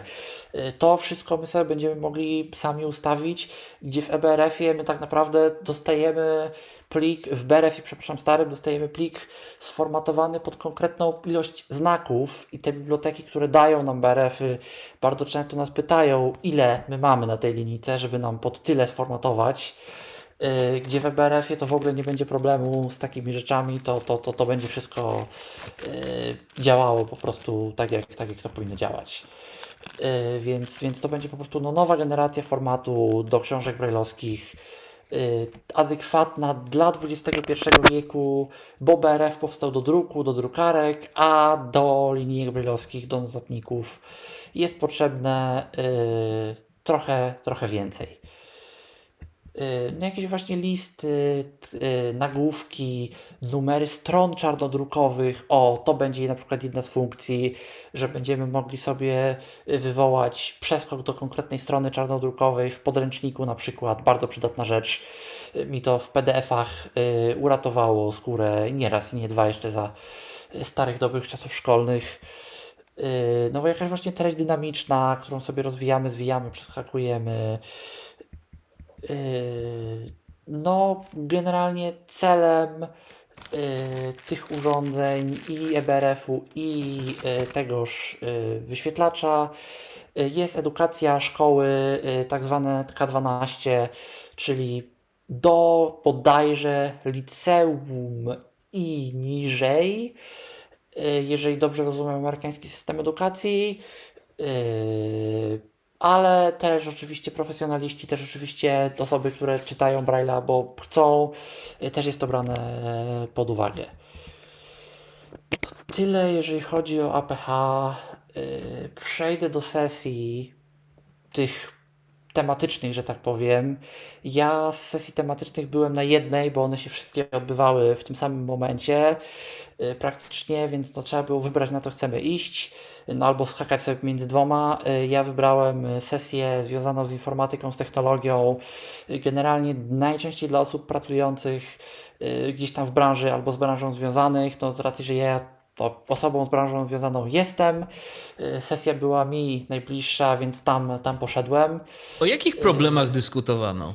Wiesz co, kilka tego było. Y, było kilka części sesji. Jedna część sesji to były w ogóle kwestie wewnętrzne komitetu, głosowanie, wybór rady, raport skarbnika, rzeczy, które mało nas interesują, ale z rzeczy technicznych był wykład o Matemelu, yy, to tak dla ciekawostki, Math Player, yy, dodatek do czytania matematyki jest przepisywany teraz na nowo i dobrze, bardzo mnie ciekawi co z tego będzie. Yy, co, co jeszcze było? Było właśnie wykład cały o MathML-u, czym on jest, do czego on służy i o tym, jak on pozwala nam czytać matematykę na stronach internetowych.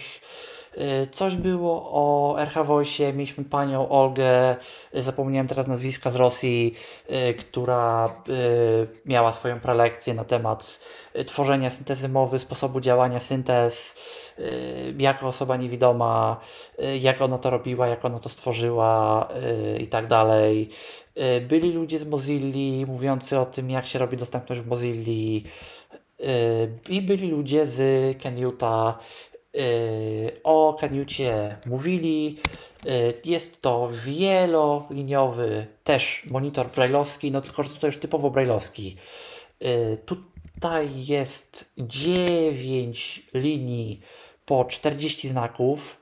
Jest to zupełnie inna technologia, a to, to, to też warto powiedzieć, jeżeli chodzi o APH.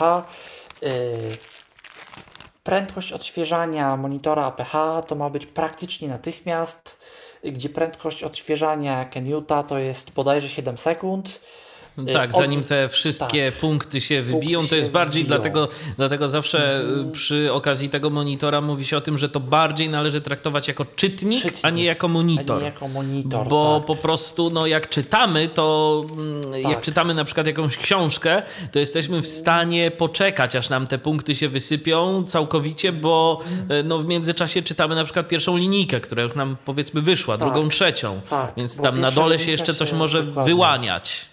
Pierwsza, bo one, ona się, on się zawsze otwiera od góry i pierwsza linijka jest się w niecałą sekundę w stanie w ogóle y, wy, wyświetlić, więc jeżeli ktoś jest w stanie jeżeli ktoś jest w stanie przeczytać 40 znaków w sekundę, no szacun mu, ja nie jestem, y, no to wtedy będzie to dla niego faktycznie za wolne, ale ogólnie to powinno mu wystarczyć.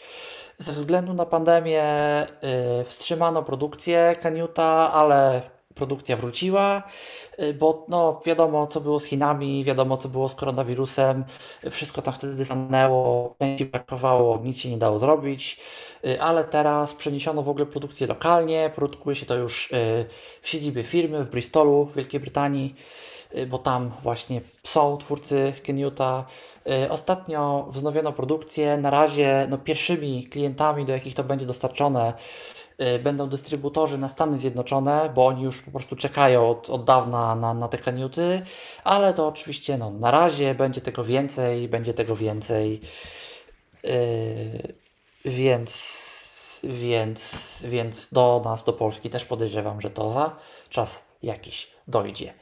Yy, potrafi to, yy, i to jest też ciekawe, yy, koszt takiego urządzenia, przez to y, jak to działa, przez to, że to jest tak wolne i przez to ile tam tych y, komórek jest, jest około 8 dolarów za jedną komórkę brailleowską, inny znak, gdzie przy zwykłym monitorze brailleowskim jest to 40 do 60 dolarów.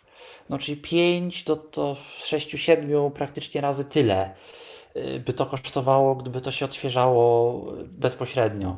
No Humanware ma jakąś tam inną technologię. Co to jest? To nie wiadomo. Nie jest to piezoelektryczne, to od razu Humanware powiedział, nie jest to piezoelektryczne, czyli te, te zwykłe, te zwykłe monitory brailleowskie. Jest to zupełnie coś innego teraz. Zobaczymy, co z tego będzie.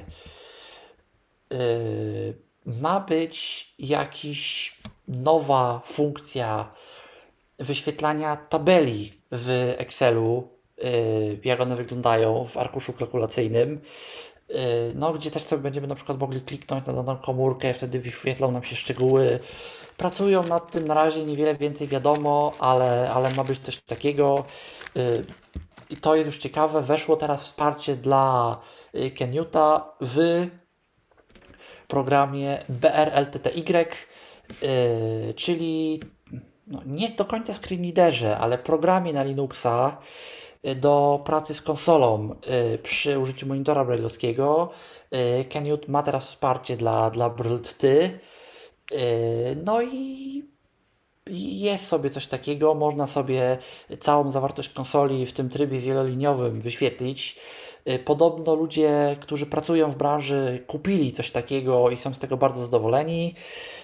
Sam autor który potem opowiadał, mówił, że on sam używa i że filozofia Keniuta jest taka, że to ma być czytnik książek, yy, ale my protokół dokumentujemy, to wszystko jest open source, to wszystko jest otwarte, weźcie sobie na GitHuba, napiszcie sobie. Jak coś Wam potrzebne, to sobie napiszcie sami. Yy, I on mówi, że on sobie sam napisał mnóstwo skryptów na Linuxa, które mu są na przykład w stanie generować jakieś wykresy yy, i je wyświetlać. Yy, które z jakichś tabel mu wyświetlają, generują wykresy yy, i potem to wysyłają na tego Keniuta. Mówi, że, że takie rzeczy się da bez problemu zrobić. Wszystko jest otwarte, wszystko jest udokumentowane. Jeżeli tylko mamy jakąkolwiek wiedzę programistyczną, to my tam jesteśmy w stanie bardzo dużo osiągnąć. Mm, w środku też jest w ogóle jakiś Raspberry Pi wewnątrz tego urządzenia, no więc tam jest no, Linuxik po prostu jakiś zagnieżdżony, więc, więc też i, i w ten sposób y, coś, by, coś by można.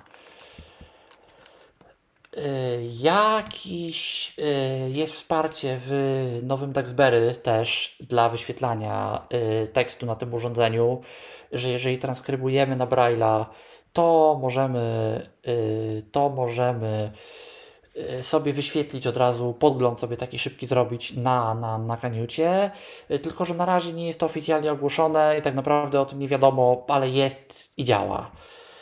Yy, mówi się, jedynym takim jakby problemem, jaki, jaki ludzie zaczęli zauważać, do czego się trzeba przyzwyczaić, przez to jak to urządzenie działa, przez to, że to jest, tam jest po prostu bardzo dużo mechanicznych, ruchomych części, które jeżdżą i poruszają tymi kropkami, no, urządzenie jest głośne, urządzenie jest yy, przynajmniej w prototypach na prąd, nie wiem czy jeszcze, yy, przynajmniej w prototypach nie było baterii, nie wiem czy jeszcze tak jest. Yy, w każdym razie na pewno do tej pory jest duża przestrzeń między liniami. Jest to 15 mm, gdzie 10 do 11 jest standardowym yy, gdzieś tam w Braille'u. Yy, więc oni, oni jakby o tym mówią. Oni wyraźnie powiedzieli, że ich priorytetem jest cena, to ma być tanie, yy, grafiki nie są priorytetem, to ma być braille, to ma być głównie braille.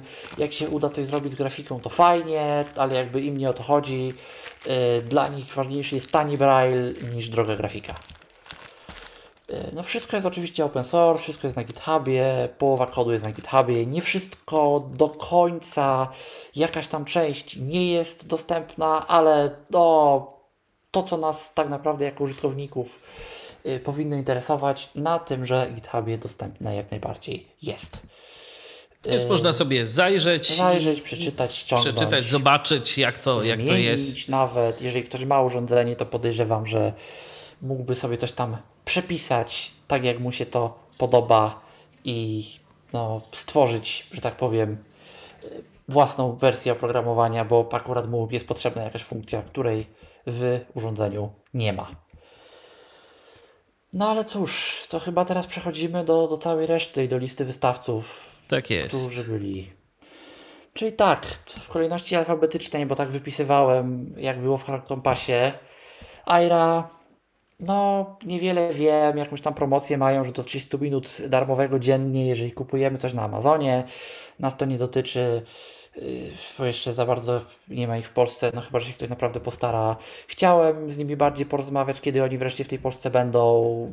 Nie udało mi się. Yy, było APH, po którym mówiliśmy. Byli 80 Guys, yy, taki sklep sprzedający technologii dla niewidomych, nie tylko technologii zresztą. Trochę coś ale nasz okular, trochę coś ale nasz lumen. Yy, wysyłają za granicę, więc jeżeli ktoś potrzebuje coś City Guysów, to da się kupić. Yy, Blind Ink, yy, tak, Ink, Ink, chyba tak to się w sumie powinno czytać. O, nie wiem w sumie nawet do końca. W każdym razie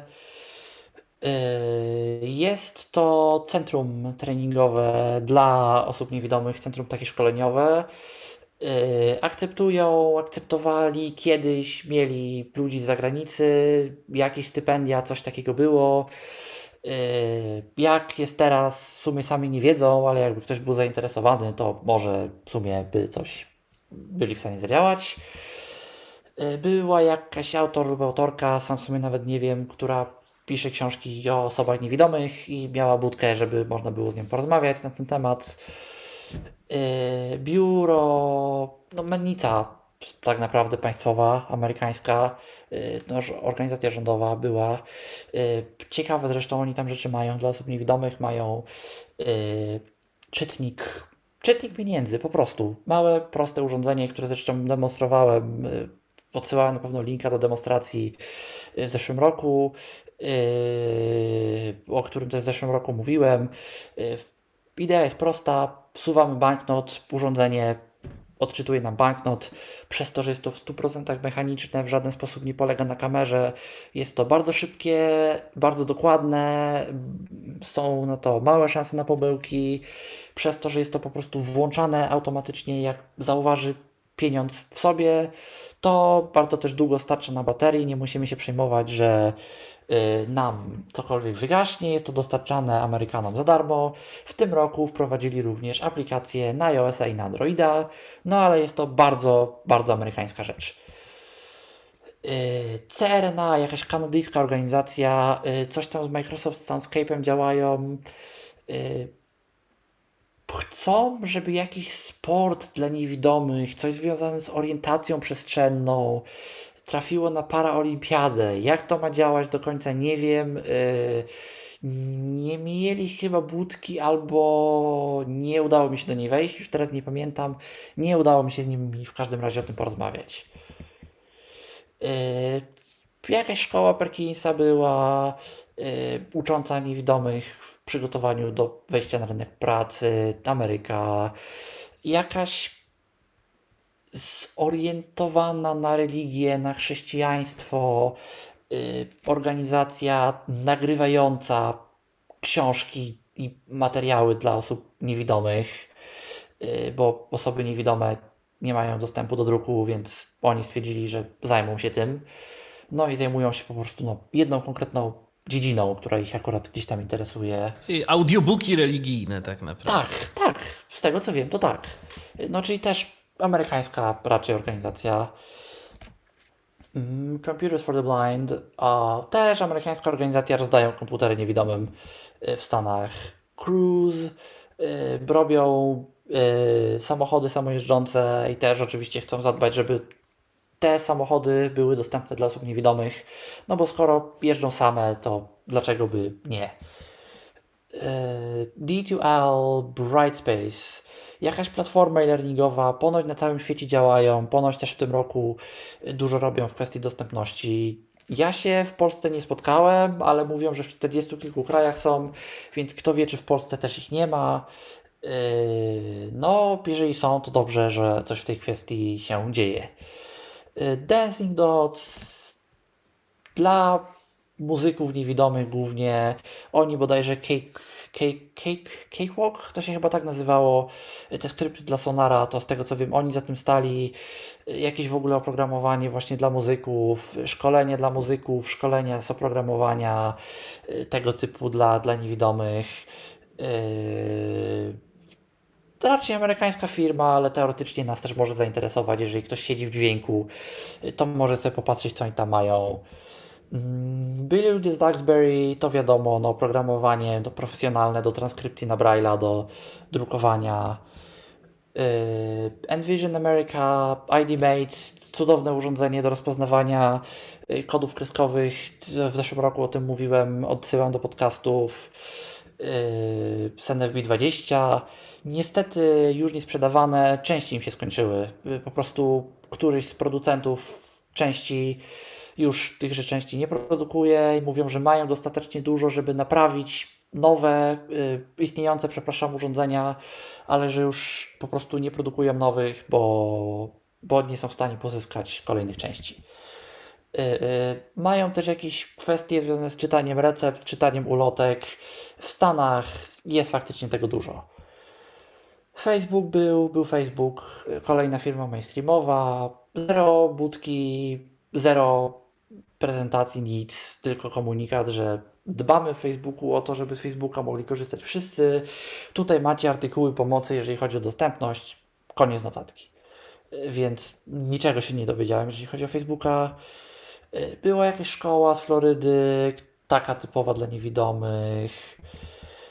Był Nikken, jakaś chyba japońska firma, jakieś produkty takie do dbania o siebie, od masażu przez jakieś maty, produkty do wygodnego siedzenia, jakieś kremy, nie kremy, inne takie, też tam dbają o dostępność, żeby wszystko było poetykietowane, żeby wszystko było dostępne dla osób niewidomych.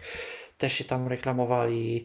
Y, Global Mobile, jakaś firma tworząca elektroniczne wybory wszelkiego rodzaju w krajach wielu, zarówno na poziomie rządowym, jak i na poziomie bardziej prywatnym, w organizacjach różnych.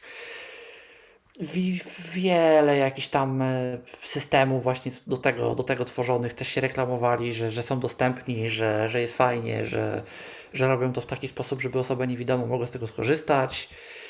E, z pięć, jak mniej więcej, było firm, które szkolą psy przewodniki, dają psy przewodniki, płacą za psy przewodniki, robią coś w kierunku dostępności miejsc dla psów przewodników. Dużo tego było. Y, kwestia właśnie psów i to taka raczej amerykańska była, była tam bardzo, bardzo, bardzo obecna. Y, był HIMS, w sumie HIMS miał, miał chyba nawet budkę, ale zero prezentacji, zero jakichś informacji, co się ciekawego w HIMSie dzieje, więc nie byłem nawet, szczerze mówiąc, nie miałem do HIMSa zbyt wielu pytań, bo sam nie posiadam produktów, a a sami też niczego wielce nie zaprezentowali, żeby się móc do czegoś odnieść. No był Humanware, o którym mówiliśmy, byłem, pytałem. Yy, IKE Smart City, jakaś firma tworząca te inteligentne miasta. Było napisane, że są zarobutki. Yy, Independence Science też. Też była budka, co prawda była budka, ale nie działała budka y, na Zoomie.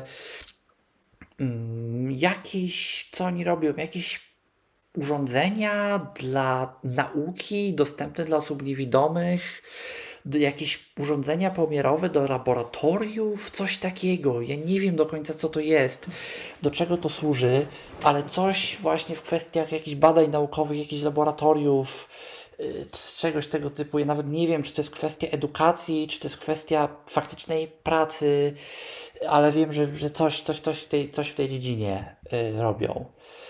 Y, Industries for the Blind, nie wiadomo co to jest, było napisane, że poszukują pracowników, y, nawet nie opisali czym są y, Erie AT, y, dystrybutor, taki zwykły sklep z technologiami asystującymi, coś na Lumen Okular, Learning Ally, e, bardzo fajna rzecz, e, niestety u nas niedostępna. Dają podręczniki w formie audio i to bardzo często na poziomie uczelnianym, więc już raczej poważniejsze książki, które bardzo trudno w dostępnej formie gdziekolwiek gdzieś upolować, zwłaszcza jakieś matematyczne, fizyczne, inne takie, to na Learning Ally bez problemu jesteśmy w stanie dostać. Mówi się wewnętrznie o Marrakeszu, więc jest nadzieja, że y, prędzej czy później dostaniemy to w Polsce. Oby prędzej niż później. Bo takich materiałów to nigdy dość. Nigdy dość. Tak.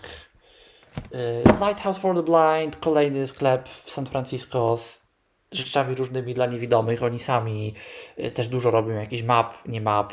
Wysyłają za granicę, mówią, że wysyłają, więc jeżeli ktoś byłby zainteresowany, można sobie przejrzeć popatrzeć i ewentualnie coś zamówić. Mm, LVI America, y, jakieś powiększelniki, MagniLink, y, mają też swój oddział na międzynarodowy, oni są właściwie pod oddziałem LVI International na Amerykę. Nie wiem, czy te magnilinki, magnilinki są w Polsce. Y, wiem, że są jakieś, jakieś, jakieś że są, są po prostu takie powiększalniki. Sam nie wiem, co to umie, nie wiem, co to może. Wiem, że jest coś takiego. Był Lyft, czyli taki odpowiednik Ubera, którego u nas nie ma, bo oni też coś tam w dostępności, w dostępności robią. Mm, McGill University z Kanady, też bardzo ciekawa y, instytucja. Tworzą jakieś narzędzia do opisywania słowem i dźwiękiem obrazów i danych. Y, są prezentacje, warto sobie wejść, warto sobie posłuchać. Y, co na przykład było pokazane, to opis wykresu y, statystyk covidowych, gdzie tam normalnie nam pani na przykład w stereo mówiła, gdzie jesteśmy, w jakim punkcie i tak dalej, i tak dalej. Myślę, że może być coś z tego coś fajnego. Robi to uniwersytet, więc raczej to jest chyba jakiś non-profit no, ciekawe, ciekawe co z tego będzie. Może być to interesujące. Y, będzie w komentarzach y, lub w opisie audycji, gdziekolwiek to Michale umieścisz, bo linka dotrzymałeś w notatkach. Jasne. Link do strony z demami, więc jakby jako osobę umieszczającą audycję proszę o umieszczenie. Jakby słuchacze chcieli, to sobie mogą linka odwiedzić. Mm, był Microsoft, nic wielkiego, bez Zooma, bez budki, link do formularza kontaktu z dostępnością. E, National Braille Press, no jak sama nazwa wskazuje, drukarnia na Stany, nic ciekawego dla nas. Mm, NLS, Biblioteka Kongresu w zeszłym roku mówili, że będzie Marrakesz, że będzie dostęp z zagranicy. W tym roku ani nie mieli prezentacji, ani nie mieli Zooma, nie udało mi się z nimi porozmawiać. E, Overflow Biz, firma z Korei Południowej, jedyna chyba z tak daleka y, na NFB, na NFB firma, ale jak widać, no w tym roku międzynarodowość to tam szła pełną parą. Y, Versa Slate y, robią tabliczka taka nieelektroniczna, bardzo low-techowa, brailleowska, która pisze, że tak powiem, na sobie, można to bardzo prosto wymazać.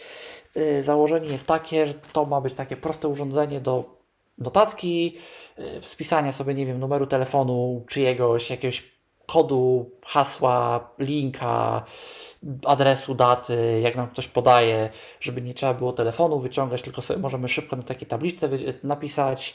To nie używa baterii, to nam się nie zepsuje, to nam się, y, temu się nie ma praktycznie prawa nic stać, to nam się nie wyładuje, to nam się nie zniszczy. No a jak będziemy w domu na spokojnie, to sobie to na przykład możemy przepisać na jakąś formę elektroniczną. Może być to ciekawe, może być to interesujące. Nie wiem ile to kosztuje. Podejrzewam, że skoro jest to tak niskotechnologiczne, że tak powiem, to podejrzewam, że wcale nawet nie tak wiele. Mm, w tym roku wprowadzają jakąś nową usługę Flowy, y, która pozwala słabowidzącym wyświetlać zawartość ekranu na komputerze, y, powiększać, włączać jakieś filtry, kontrasty, nie kontrasty. Jak telefon nie umie, to może komputer pomoże. Yy, takie, takie narzędzie powstało. Nie wiem, sam słowidzący nie jestem. Yy, nie wiem, czy to się przyda, czy nie. No ale, ale jest coś takiego, więc można się ewentualnie tematem zainteresować. Yy, był Pearson, wydawnictwo w Polsce też funkcjonują, też coś robią właśnie w dziedzinie dostępności i dobrze. Była szkoła Perkinsa dla, dla niewidomych. Y, Personal AI byli też w zeszłym roku y, Sumana Kanugantiego, gościa, który na początku AR stworzył. Jakiś, nie rozumiem tej firmy, tworzą jakieś AI, które ma za nas zapamiętywać jakieś rzeczy i wiedzieć rzeczy o ludziach. I jak człowiek chce, żeby coś o nas AI wiedziało, to potem za naszą zgodą inni będą mogli tego AI pytać o to, pytać o nas, jeżeli potrzebują jakąś informację. Ja to testowałem w zeszłym roku, tragicznie to działało. Naprawdę jeden z gorszych chyba produktów bardziej niedopracowanych, jakie ja w życiu widziałem. Nie rozumiem. Może to co AI jest. się w końcu czegoś nauczy. Może się czegoś nauczy, ale jakoś nie mam, nie mam szczerze mówiąc yy, jakichś wielkich nadziei. Mam wrażenie, że ten człowiek się próbuje po prostu z tym wcisnąć, gdzie tylko się da. Yy, zwłaszcza, No teraz sztuczna inteligencja to jest dostępnością- coś modnego. trendy, dokładnie. Zwłaszcza, że produkt z dostępnością to tak naprawdę wspólnego ma tyle, że człowiek, który go robił, pracował kiedyś dla Airy. Yy, a naprawdę to nie ma nic do rzeczy z osobami niewidomymi. Co jeszcze mamy? Mamy Rafware, yy, sprzęty dla psów przewodników, smycze, nie smycze, uprzęże, nie uprzęże i inne takie. Yy, Spektrum, yy, kablówka amerykańska, dostępna. Widziałem ostatnio zresztą, ktoś mi pokazywał. Yy, Mają normalnie syntezę na urządzeniu, na, na dekoderze, na, na set-top-boxie. Wszystko im czyta, program im czyta, kanały im czyta, wszystko im czyta. Yy, Co prawda synteza idzie przez chmurę, więc opóźnienie jedna sekunda po naciśnięciu każdego klawisza, ale lepsza synteza niż brak syntezy, bo nasz ani Kanal Plus, ani Polsat to się raczej nie szykuje na wprowadzenie takowej. Był Target, y, sieć supermarketów amerykańska, która też tam ostatnio dużo robi w dziedzinie dostępności. Tam sporo zresztą niewidomych pracuje, z tego co wiem, właśnie w, tej, w, tej, w tym dziale. Yy, W zeszłym roku też byli, w tym roku byli, ze dwie sesje mieli, pokazywali tą swoją aplikację, byli w budce. Yy, Był T-Mobile amerykański, yy, był View Plus, drukarki View Plus, brailleowskie. Yy, Vital Source to jest też ciekawa firma. Oni tworzą technologię dla wydawnictw, która jest wykorzystywana do składu książek, do przygotowywania testów online, do przygotowywania materiałów dodatkowych dla książek, jakichś takich tam ćwiczeń, jak to teraz w podręcznikach bywa, że na końcu podręcznika mamy linka, pod którym mamy jakieś tam interaktywne ćwiczenia w, w internecie. Też działają globalnie w wielu, wielu, wielu krajach. Yy, podejrzewam, że mogą w jakimś sensie w Polsce być. No też robią dostępność, więc bardzo dobrze, że robią, bardzo dobrze, że, że jest coś takiego.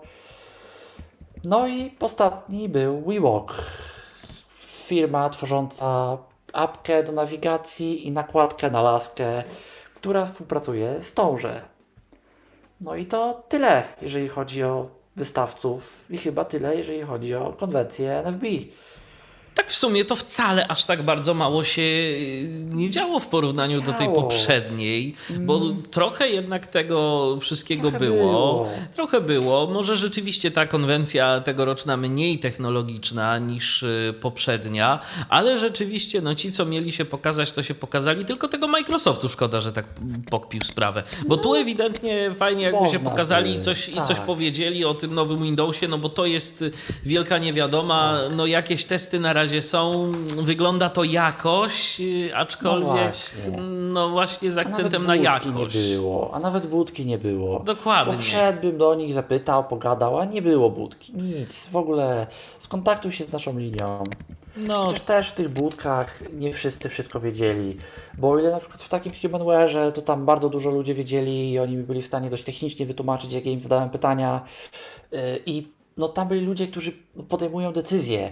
Czy jeżeli oni mi powiedzieli, my nie chcemy tego wprowadzić, to oni byli w stanie powiedzieć dlaczego.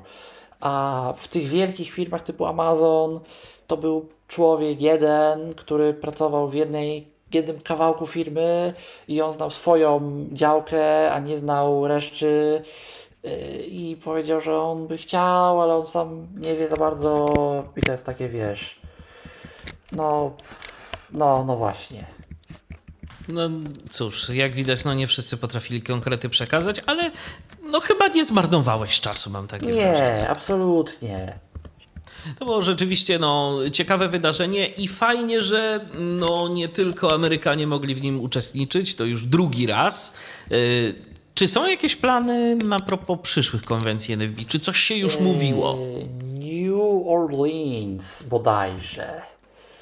Yy, Z tego co wiem, takie miasto, Nowe Orleany w Stanach. Yy, Jeżeli się nie mylę, tam jeszcze jedno miasto było podane St. Louis bodajże, chyba na 23, jeżeli się nie To mylę. znaczy tak, to ja się domyślam, że następne konwencje będą, Tak. ale czy się mówiło coś o tym, że również y, chcą utrzymać te konwencje online? W zeszłym roku było wspominane, że fajnie wirtualnie, że ludzie streamy. W tym roku mam wrażenie, że to była druga i ta taka nowość jednak już wcale nie jest taką nowością, że to jest wirtualne. I, I mniej się o tym mówiło, ale mamy nadzieję, miejmy nadzieję, że to, o czym było w zeszłym roku mówione, y, będzie zostanie. faktem. Tak. A albo w tym tygodniu, albo w przyszłym, jakoś teraz jest też konwencja ACB, w której ani w zeszłym roku, ani w tym nie uczestniczę. ACB jest konkurencyjną organizacją dla NFB, y, bo w Stanach są dwie. Yy, I no tam w zeszłym roku przynajmniej ta konwencja była płatna, więc ja też nie uczestniczyłem. NFB było darmowe. Yy, Nie wiem jak jest w tym roku, ale no to jest jakaś taka trochę mniejsza ta organizacja. Jakoś stwierdziłem, że chyba wolę pójść na NFB, bo to jest takie większe, znane, darmowe i więcej tam mam wrażenie jest tych rzeczy. No cóż, może kiedyś i będzie okazja, że się przekonał, jak jest u konkurencji. Ale, y, ale jakby tak, tak jeszcze trochę podsumowując, wracając do takich y, kwestii troszkę bardziej ogólnych, Mhm. miałem w tym roku większą niż w zeszłym roku, choć w zeszłym roku też miałem, okazję porozmawiać z ludźmi, którzy tam byli w rzeczywistości na poprzednich takich konwencjach. Po prostu dlatego, że więcej takich osób znam i w tym momencie i więcej opinii byłem w stanie zasięgnąć, bo jednak mimo wszystko trochę kontaktu z ludźmi ze Stanów to ja mam i jakby jak potrzebuję ich o coś zapytać, to absolutnie mam kogo zapytać. I no, jedna rzecz, z których konwencja NFB słynie yy, i o czym się zawsze mówi, i to jest już po prostu u nich w środowisku niewidomych yy, legendą, to są wielkie imprezy, yy, czasami zahaczające o orgie, yy, to są niezmierne ilości alkoholu, czego oczywiście teraz w tym roku nie było, ale No, dużo wirtualnie osób, ciężko. tak, dużo osób na NFB, y, jeżeli to się odbywa fizycznie, y, jeździ tylko po to, żeby się po prostu spotkać, bo to dla nich, tak jak trochę dla nas Recha, tylko bardziej, to jest po prostu takie jedno miejsce, jeden moment w roku, na który się można wybrać i gdzie będą niewidomi z całego kraju i żeby nie jeździć do 20 osób na raz i nie płacić za 20 samolotów, to się po prostu wszyscy na, naraz po prostu ustalą, że No tak, bo trzeba tu, brać pod uwagę, trzeba brać pod uwagę, że Stany to jest o wiele To większy duże, obszar niż dokładnie. Polska. to jest powiedzmy, no może nie Europa, ale prawie. To to bardziej, bardziej powiedzmy wielkości Unii Europejskiej. To, to, to, to tak to liczmy. Yy, więc absolutnie, to, to tam odległości są potworne. A przez to, że wszyscy znają angielski, to jest tak naprawdę jeden kraj, jeden język, to tam bardzo często wśród osób niewidomych jest tak, że na przykład osoba niewidoma poznaje kogoś, yy, gdzie u nas, nie wiem, najdalsza możliwa odległość to jest, nie wiem, Kraków, Koszalin, Kraków, Szczecin, powiedzmy, tak, czyli no, kompletne południe do kompletnej północy. To, jeszcze, to jeszcze, to jeszcze. No, może trudno, ale da się. A tak 5000 km od siebie to już jest jednak trochę dużo. I powiedzmy tam ileś dobrych kilka godzin samolotem. Więc, więc dla, nich, dla nich fizyczne konwencje to jest po prostu zlot niewidomych głównie jakby to jest dla, dla wielu najważniejsze. Wiele osób, to tam wiele osób to tam przyjeżdża i na żadną sesję w ogóle nie idzie, tylko przyjeżdżają tam po to, żeby w dzień spać, a w nocy się spotykać. No i co, co jakby trzeba powiedzieć, bo to, bo to, to, to jakby nieodwracalnie się wiąże z konwencjami. Yy, wyrażenie funkcjonuje w języku angielskim takie prześmiewcze trochę yy, blind mating season, czyli sezon godowy osób niewidomych, yy, że tym, tym te konwencje są, i gdy one są fizycznie. No ale że w tym roku były wirtualnie, no to cóż, ten element konwencji nas ominął. A szkoda, bo zobaczyłbym, chciałbym to zobaczyć, chciałbym wziąć kiedyś udział właśnie w konwencji fizycznej i to od strony no, zobaczyć, zobaczyć po prostu, ile, ile z tego. Jaki to ma taki prawdy. wydźwięk społeczny? Tak, jaki to ma wydźwięk społeczny, jak to wygląda. Bo okej, konwencja konwencją, tylko. Technologia technologią, tak, ale Dokładnie. też od tej drugiej Tak. strony. Co też ludzie na przykład mówią, że nawet na tych sesjach, to jak jest konwencja fizyczna, to wiele osób na przykład siada gdzieś tam ze sobą, ze znajomymi i komentują. No tak, na pewno, no tak, już to widzę. Y, A jak to jest Zoom, to mimo wszystko To trochę ciężko. trudniej. Był w tym roku, na niektórych sesjach były pokoje na Clubhouse. I to ja byłem, brałem udział w jednym z nich i tutaj no, jedne z gdzieś tam bardziej kojarzonych i obecnych w środowisku amerykańskim osób niewidomych osób, a było nas tam ponad 10, y, były w tym pokoju, mi się też tam udało jakoś dostać i no, komentowaliśmy, co się dzieje na, na sesji i to, to, to dawało, myślę, trochę taki, taki, taki posmak tego, ale no, nie zmienia to faktu, że, że chciałbym, chciałbym kiedyś wziąć udział w konwencji fizycznej. No to Mikołaj, Ale- oby ci to dane było kiedyś. Dokładnie. Yy, Pożyjemy, zobaczymy. I może wtedy jakaś relacja live prosto z konwencji. Jak będziesz miał czas na to, bo, No, to dokładnie. bo to różnie może wyglądać. W każdym razie, no, na ten rok to tyle, jeżeli chodzi o konwencję NFB. Yy, Zobaczymy, co nam przyniesie rok przyszły, a mm, tymczasem dziękuję Ci bardzo za No to- udział w tak, naszej ja audycji. dziękuję. Do usłyszenia. Ja przypomnę, że dziś rozmawialiśmy na temat tegorocznej konwencji NFB, na temat tego, co się w ramach tej konwencji działo, a opowiadał o tym wszystkim Mikołaj Hołysz, a ja od czasu do czasu się odzywałem i zadawałem pytania. Dziękuję również za uwagę. Michał Dziwisz, kłaniam się do następnego spotkania na antenie Tyfloradia. Był to Tyflo Podcast. Pierwszy polski podcast dla niewidomych i słabowidzących. Program współfinansowany ze środków Państwowego Funduszu Rehabilitacji Osób Niepełnosprawnych.